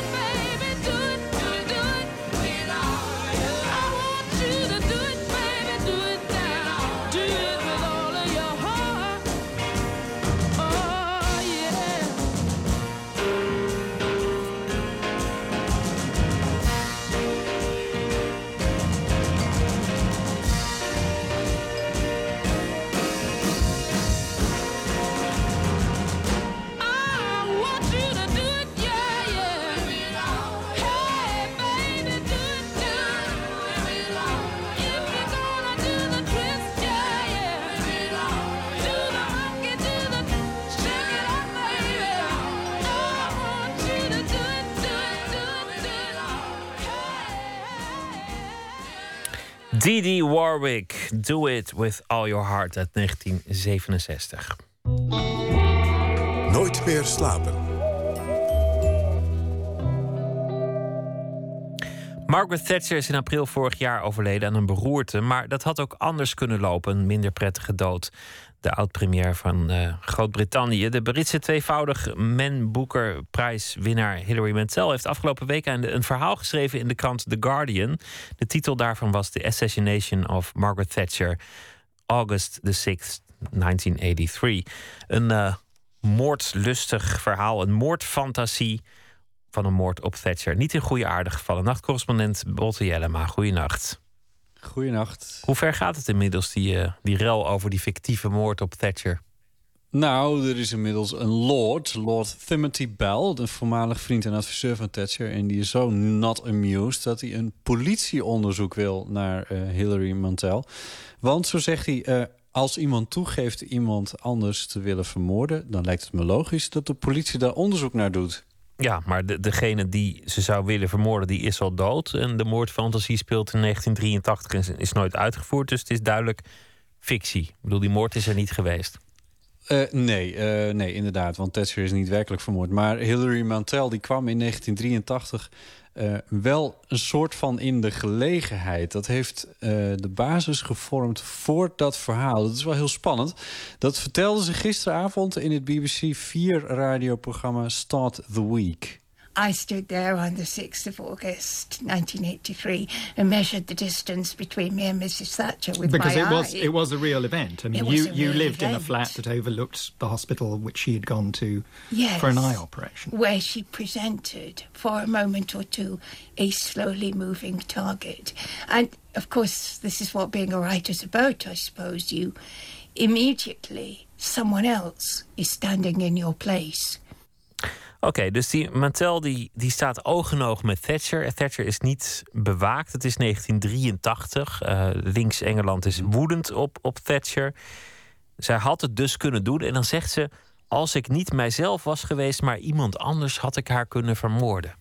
Ja, ja nou ja, zo'n gebeurtenis die vormt in haar hoofd dan meteen een verhaal over hoe de loop van de geschiedenis zou zijn veranderd als Thatcher op die dag daadwerkelijk zou zijn eh, vermoord.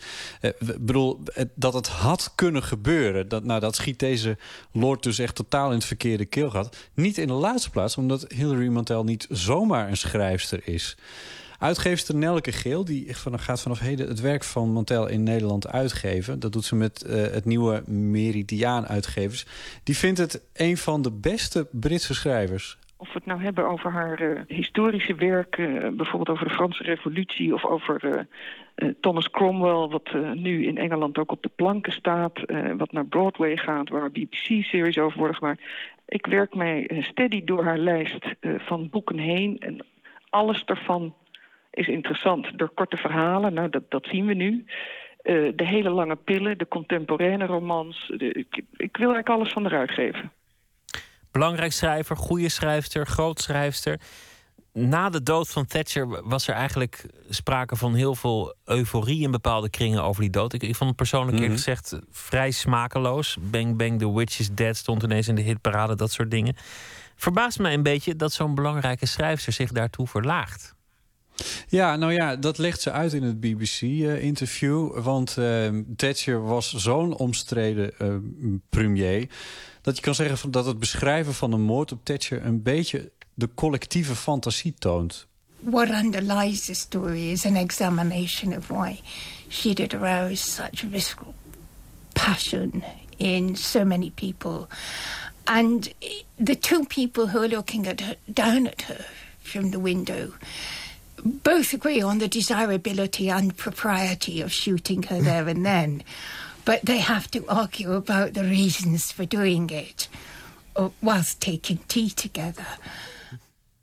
Daar zit, daar zit duidelijk een, een literair element in, zou je kunnen zeggen. Bijna een hilarisch gegeven. Twee mensen die kunnen het doen, zijn er ook over eens dat het moet gebeuren om iemand te vermoorden. Maar ze gaan dan ruzie maken en thee drinken en discussiëren omdat ze niet eens worden over de motieven. Hoe Brits wil je het hebben, inderdaad. Ja, we moeten Nou haar vermoorden, maar waarom nou eigenlijk precies? Wat vind jij? Ja. Ja, precies. Nou ja, maar ook met, met thee erbij. Ehm Mantel zegt eh, in het interview dat ze de, de wisselwerking... Eh, als dat interview gaat daarna na dit fragment nog even door... dat ze de wisselwerking tussen publiek en het, de politiek... en het persoonlijke wilde onderzoeken in, eh, in dit verhaal. Nou, en zij vindt dat in het geval van Thatcher eh, dat heel kenmerkend is. En eh, daarom is Thatcher in haar ogen ook een geweldig om in fictie neer te zetten. Omdat er zo'n contradictie is in haar persoonlijkheid. Het, she was a walking argument, zegt ze. can't be running away from history. We we have to face head on because the repercussions of Mrs. Thatcher's reign uh, shaped the nation. Ja, daarin zegt ze eigenlijk eh, dat Thatcher, dat was een soort belichaming van, van eh, de tijd. En daar zit het in. Je had natuurlijk ook een fictief persoon kunnen gebruiken voor zo'n verhaal. Dat had natuurlijk ook eh, gekund. Ja, nou ja, de, het, dat, dat was misschien. Dat had, dat had zeker gekund. Tien jaar geleden is iets vergelijkbaars gebeurd, namelijk als dit. Hè, nu nu eh, Montel zo wordt aangevallen. Toen de Amerikaan Nicholson Baker zijn boek eh, Checkpoint eh, publiceerde. Want daar, daarin beraamt een van de hoofdpersonen een moordaanslag op George W. Bush. Ook niet een bijzonder geliefd politicus. Of dat uiteindelijk ook gebeurt, dat staat niet in het boek. In dit verhaal van eh Mantel gebeurt het dus wel. Daar wordt Thatcher wel degelijk vermoord. Maar Baker kreeg er toen heel veel eh, gedoe mee. Nou en zij vindt dus dat je nu niet weg mag kijken... en dat Thatcher een deel van de geschiedenis en de natie heeft eh, vormgegeven. En daarom vindt ze dat kritiek op haar werk onterecht is. Ik vind dat eerlijk gezegd een klein beetje een vaag antwoord. Maar eh uitgeefster Geel verbaast zich vooral over de ophef die er nu is. Een van de redenen waarom er zo emotioneel op wordt gereageerd... is dat een aantal van die mensen zich wellicht een beetje bekocht voelen... omdat ze zelf hadden ingeschat dat ze zo leuk was en zo aardig. Weet je wel, met dat leuke porseleinen hoofdje en die, en die blauwe oogjes. En ik, ik denk stiekem dat men zich daar dan toch een bepaald beeld van heeft gevormd... wat vervolgens niet strookt met wat ze in zo'n verhaal zegt. Dat, ja, als je fan bent van iemand en, en het werk graag leest... En, en dan keert hij zich tegen je, blijkt hij ineens in het andere kamp te zitten. Je had misschien gedacht dat het wel ergens een soort medestander was... of, of, of Ja. een mede-Thatcheriaan, of, of hoe je het ook noemt. Ja, dat zit er misschien Ja. wel achter, die emotie ook. Ja, Geel zegt dus ook van ja, dan, eh, eh, die fans die hebben die boeken dus eigenlijk nooit goed genoeg gelezen. Want die zitten vol filijn. En eh, ze was trouwens bezig om dit verhaal, ehm, eh, Geel dus, de uitgever is bezig om dit verhaal over de moord op Thatcher ook in vertaling gepubliceerd te krijgen in een Nederlandse krant. Dus dan kunnen wij het ook eh, tot ons nemen. En in november dan komt dit eh, boek uit. Maar wie daar niet op kan wachten en het Engels een beetje machtig is, eh, het staat allemaal op de site van de krant The Guardian te lezen.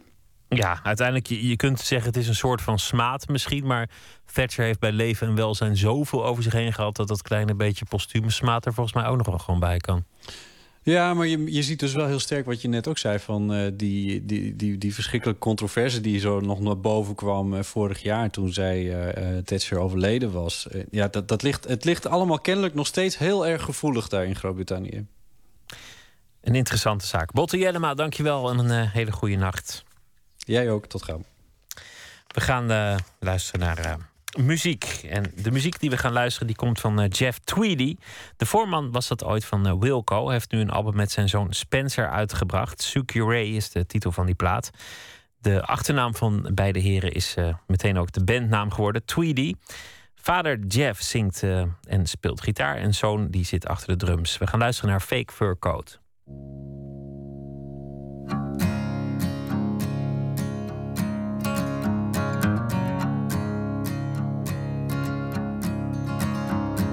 Behold the drift of a distant sun, cold as my own heart, blind at the edge of no return.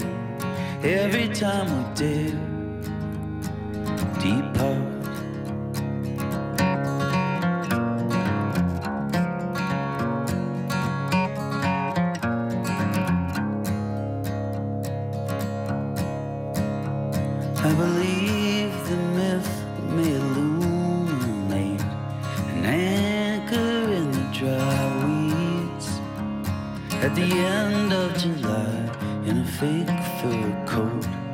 Hoping that your heart still needs me. I can see there's beauty in bubble gum. I'm rolling up my sleeves to advertise the new freedom. I accept I can't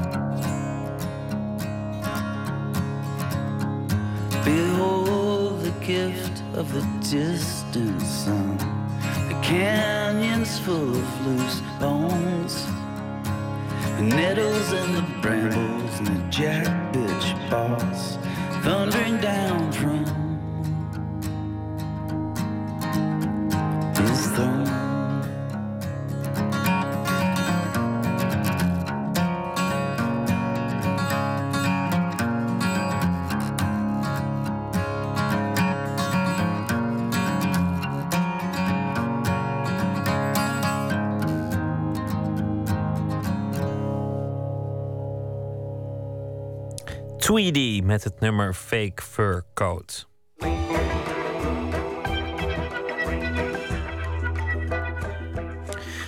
Is het kunst of namaak? Is het echt of nagemaakt? Het eh, Rijksbureau voor Kunsthistorische Documentatie in Den Haag hield afgelopen week aan de open huis. Specialisten geven antwoord op vragen van toegestroomde kunstbezitters over eh, wie de kunstenaar was, wat de stijl of stroming of de periode waarin het kunstwerk is gemaakt.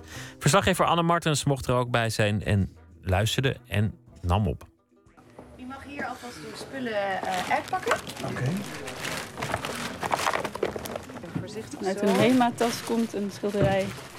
Zijn wel echte? Geen reproducties, dat je dat kan zien ook? Deze twijfel ik, maar dat laat ik aan. Ja. Nee, ze zijn allemaal echt. Ik heb ze zelf gemaakt. De afdeling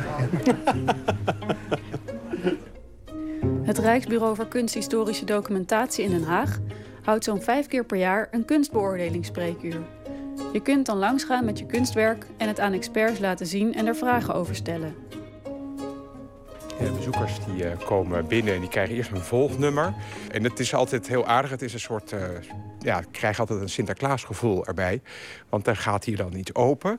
En de verpakkingen zijn altijd heel interessant. Dat varieert van dekbed overtrekken tot oude koffers en vuilniszakken. Vaak met allemaal touwtjes dichtgeknoopt. Mensen gaan het dan heel zenuwachtig losmaken. En dat is altijd weer verrassing wat eruit komt. Dus eh, ik heb een speciale vergroter en eh, daarmee kan ik zien, eh, als er de reproductie is, dan kan ik ook mensen laten zien van kijk, je ziet dit en dat. Dus dit is een hele gravure of het is een lichtdruk. En dan zeg ik, als de spijker nog in de muur zit, hang het dan gewoon terug. En dan, dan is het klaar. Zo'n kunstbeoordelingsspreekuur heeft dus wel iets weg van het programma tussen kunst en kitsch. Alleen is zo'n beoordeling hier alleen bedoeld voor tekeningen en schilderingen. En krijg je niet, zoals bij kunst en kitsch, te horen hoeveel het waard is. Eh, omdat wij ook geen beëdigde taxateurs eh, zijn. En eh, we dat nadrukkelijk overlaten aan, aan de veilinghuizen en de kunsthandels die daarin in zijn gespecialiseerd. Wij richten ons nadrukkelijk op de, zeggen, op de inhoudelijke beoordeling van, van de werken die wij onder ogen krijgen. Mijn naam is Chris Tolwijk. Ik ben directeur van het eh, RKD, Nederlands Instituut voor Kunstgeschiedenis. We hebben eh, een naast eh, een enorme bibliotheek. Een beeldcollectie die circa 5,5 tot 6 miljoen reproducties van kunstwerken bevat. Eh, meer specifiek van werken gemaakt door kunstenaars werkzaam in de lage landen. eh, vanaf 1200 tot heden. Waar komen de werken vandaan? De werken, eh één komt er uit Amerika. En eh, Jane Anderson. En dit is een stuk, een werkstukje van de, een eh, grachtenpandje in Amsterdam. En de vraag is, is hij echt of is het een vervalsing? En als hij echt is, dan zit ik morgen op Hawaii. En als hij vals is, dan ga ik eh, broodje bij Co eten. Zo ligt het ongeveer. Ik ga u hiermee in ieder geval ook meenemen naar de eh, afdeling buitenlandse kunst. Ja. En wie ben jij? Ik ben Ursula de Goede, conservator van de collectie Buitenlandse Kunst van het RKD. Het RKD bezit dus tentoonstellingscatalogie van all over the world. Ook wat betreft buitenlandse kunstenaars betreft. Dan ga je kijken of het in deze catalogus Of, staat. ja, nou, of dat het in het genre van die kunstenaar past. Hè? Lang niet alles is natuurlijk gedocumenteerd in boeken of soms kopen mensen werken direct van de kunstenaar. Heb jij al iets met een signatuur gevonden, Annemarie? Wacht, hier zie ik een... eh, even de loop. Hier, ik zie hier wel een signatuur. Maar... En dat lijkt wel heel erg. Bij de afdeling 15e eeuwse kunst is een mevrouw aangeschoven met een erfstuk van haar oma. Ja, en Maria met een beetje een houterig kind op, eh, op schoot. En eh, Maria houdt een anjer in de rechterhand. En die anjer is in dezelfde kleur als haar mantel.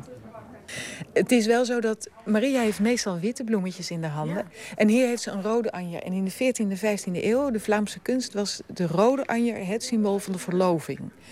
En op zich is Maria natuurlijk, wanneer ze met dat kind op schoot zit, nog de verloofde van Jozef. Want dat is helemaal het probleem van Jozef. Hij, hij moppert daar ook een beetje over als hij merkt dat ze zwanger is. En dan krijgt hij een visioen waarin gezegd wordt van, nou jongen, het, het komt allemaal goed. Het is niet, ze heeft geen vriend of zo naast jou. Eh, eh, dit, is het, dit is is het kind van God, dit is het kind voor de mensheid. En, eh, dus wat dat betreft zou die rode Anja kunnen verwijzen naar het verloofd zijn. Maar misschien staat hier nog iets spannenders in. Ik, ik heb hier een, eh, een boek wat echt gaat over dus de symboliek van de Anja. En uh, er is alleen één klein probleem. Het boek is in het Zweeds. Ik heb ook een ding. Dat is geen schilderij. Nee, toegepaste kunst, daar hebben we helaas geen uh, deskundigheid voor. Uh, Niet? Oké. Okay. Ook geen... Heet dit toegepaste kunst? Ja, dat is een ding. Ik weet niet wat ja, nou ja, deze Is het een uh, nou, dat, ik, stoof? Ja. ik heb geen heb, nee, we hebben geen... Geen dit is ook om op te hangen, ja. We weten ook niet wat het is. We hebben het eens een keer nagevraagd en toen was het een, een vergiet. Maar ik kan me niet voorstellen dat je dit als vergiet gebruikt. Nee, maar toegepaste kunst, nee, nee, nee, aardewerk, keramiek. Je zou altijd een keer een fotootje naar het Prinsessenhof in Leeuwarden kunnen sturen. Dat is het museum voor keramiek in Nederland. Oké. Die kunnen misschien nu wel zeggen wat het is. En misschien ook niet. Nee, dat kan ook. Maar nee, maar denk wel dat Ja, maar het is Oké, dank u wel. Wat hebben jullie bij u? Ja, dat is een, uh, een 17e eeuwse marine. Tenminste, dat dachten we. En de vraag is of dat het is. Ja, ik denk, de afdeling Oude Nederlandse ja. schilderkunst. Want het is een schilderij met een soort uh, scheepsoorlog. Uh, zeeslag, zeeslag. Er zijn in de, voor de 17e eeuw natuurlijk een aantal grote zeeslagen geweest... tussen Nederland en Engeland. En uh, ik hoop dat hij origineel is. Maar origineel van wie? Welke naam staat erop? Er staat geen naam op, maar dat is ook nog een vraag. En soms kunnen ze hier zeggen dat lijkt wel op die en die. En al heeft hij dan niet gesigneerd. Maar wij vonden eigenlijk wel dat het, uh, dat het als schilderkunst als zodanig... dat het er heel goed uitzag. Dat het echt wel met, met va groot vakmanschap ge, geschilderd is. En uh, nou, dat vinden wij altijd heel belangrijk. Want wij vinden bijvoorbeeld dat deze man... ook al is misschien geen beroemdheid toch iets beter schildert dan meneer Rotko of zo. Hè? Want die, uh, ja, maar die Rotko's, die, uh, daar betaal je meer voor dan voor dit soort dingen. En dat vinden wij dan wel een beetje somber. Hè? Dat uh, de kunde in de kunst langzamerhand geen waarde meer heeft. Waar, wat was het moment dat u dacht, hé, hey, die ga ik kopen? Nou, toen we hem op de veiling zagen hangen, hebben we, hem, hebben, hebben we het via internet gedaan. Nou, het is wel leuk om even te kijken naar de verschillende slagen. Welke het zou kunnen zijn. Dan herken je welke slag het geweest is? Ja, dat kan, zou kunnen. Waaraan dan? Nou, aan de ligging van de schepen. En vaak zijn, het, uh, zijn er wel verschillende beelden van, van, van, die, van die slag. En met dus verschillende... Ja, dus dat kan je wel terugvinden soms. Maar hoe ging dat dan? Was die schilder dan echt aan boord van zo'n schip? Of ging dat nee. vanaf land? Of hoe, nou, Willem hoe van der Velde, die, uh, de tweede en de eerste ook, die, die voeren mee vaak. Of die hadden zelfs een eigen bootje. En van daaruit uh, ging ze op afstand. Dat, dat in tekening, brachten ze in tekening. Oorlogscorrespondent. Ja, ja, serieus. Ja. Is wel heel leuk. Ja, die bootjes die vond ik... Uh, ja. die, die het doet al... een beetje denken aan Renier Nooms, maar dat is hem niet. Nee. Want die signeert altijd. Ja, ja. En dan zou je moeten vinden. En dan die heeft een iets ander krakelé ook. Ja. Ik neem hem mee. Ja, ja, nou ja. Als hij maar terugkomt. Ja, hij zal wel een keer En dan? We maken een goede foto ervan. Oh. Een hoge resolutiescan. En dan uh, kunnen we nog eens even rustig naar kijken. Ja. het is vaak moeilijk om het in één keer zo te zeggen. Je, moet, je, moet, je hebt vaak wat meer tijd nodig. En als een van de laatste komt er een man binnen met een enorm paneel met erop een kerststal afgebeeld. De verf is bleek en mist op veel plaatsen. Dus ja, ik heb het aangekocht uit een container van een kameraad van mij. Dus, uh, en die wilde er vanaf. Hij zegt, het is voor mij te, te kwetsbaar. Hij zegt, het gaat bij mij kapot. Ik zei, nou, wat wil je ervoor hebben? Dus zo zijn we overeengekomen. En ik was nieuwsgierig natuurlijk wat het was. En zodoende ben ik nu hier. En, nou ja, het is echt gewoon een kersttafereel met de herders erbij. De os en de ezel.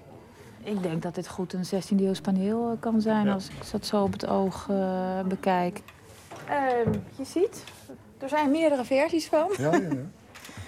De beste versie, laat ik zeggen, die bevindt zich in Keulen.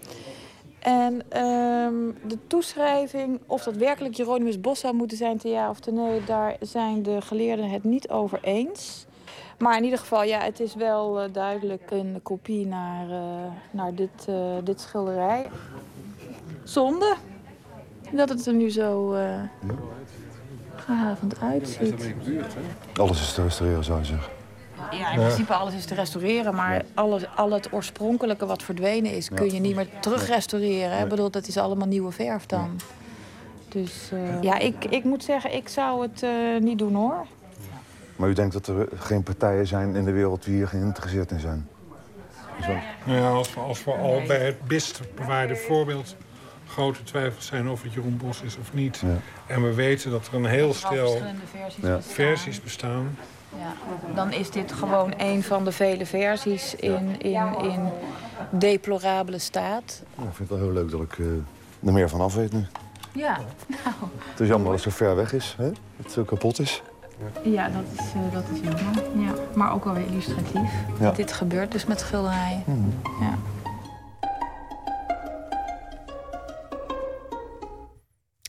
Een bijdrage was dat van Anna Martens. En het volgende beoordelingsspreekuur van het RKD Nederlands Instituut voor de Kunstgeschiedenis. Als u nog iets op zolder heeft liggen en twijfelt aan de herkomst of natuurlijk de waarde, is op 20 november. Meer informatie daarover via de website rkd.nl. We gaan luisteren naar een eh, nieuw liedje van Todd Terje van zijn eh, album Album Time. Heeft hij op 8 eh, april gepresenteerd op zijn eigen label Olsen Records, speciaal opgericht voor de gelegenheid. Het liedje heeft als titel Johnny and Mary en het is origineel van Robert Palmer, een liedje dat hij in de tijd samen met Brian Ferry heeft gemaakt.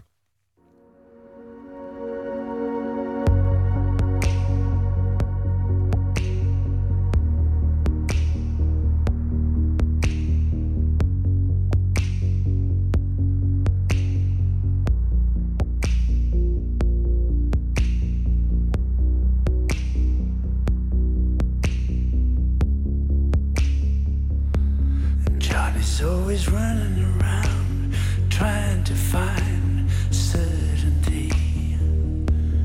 He needs all the world to confirm that he ain't lonely.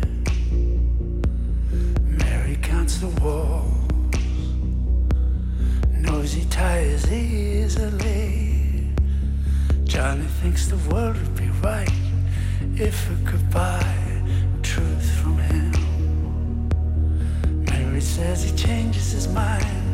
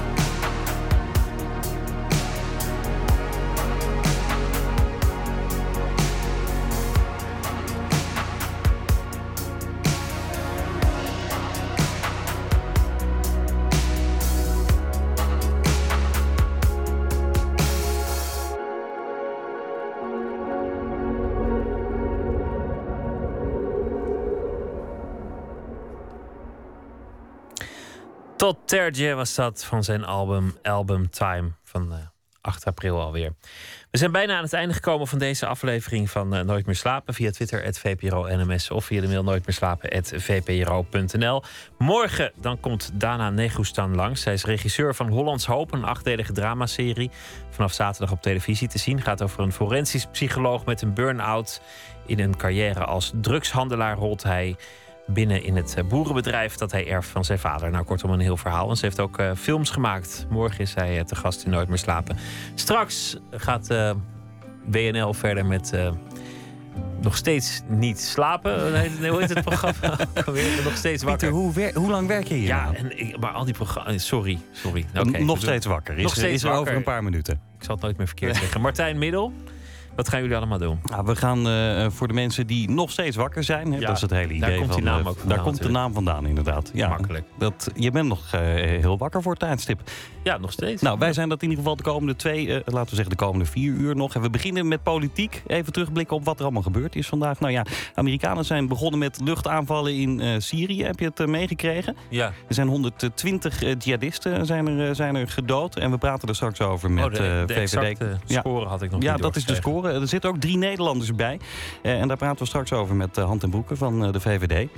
Eh, en eh, natuurlijk de ZZP'ers in de terminale zorg eh, die dat niet meer mogen doen. Eh, een, een heet hangijzer in de Kamer. Eigenlijk wil iedereen zo snel mogelijk dat die ZZP'ers weer aan de slag kunnen. En waarom dat heel lang duurt, dat vertelt Hanke Bruin Slot van het eh, CDA zometeen. Veel plezier en nog een hele goede nacht. Dankjewel. En eh nooit beslapen is er morgen weer. Goeienacht. Op Radio 1, het nieuws van alle kanten.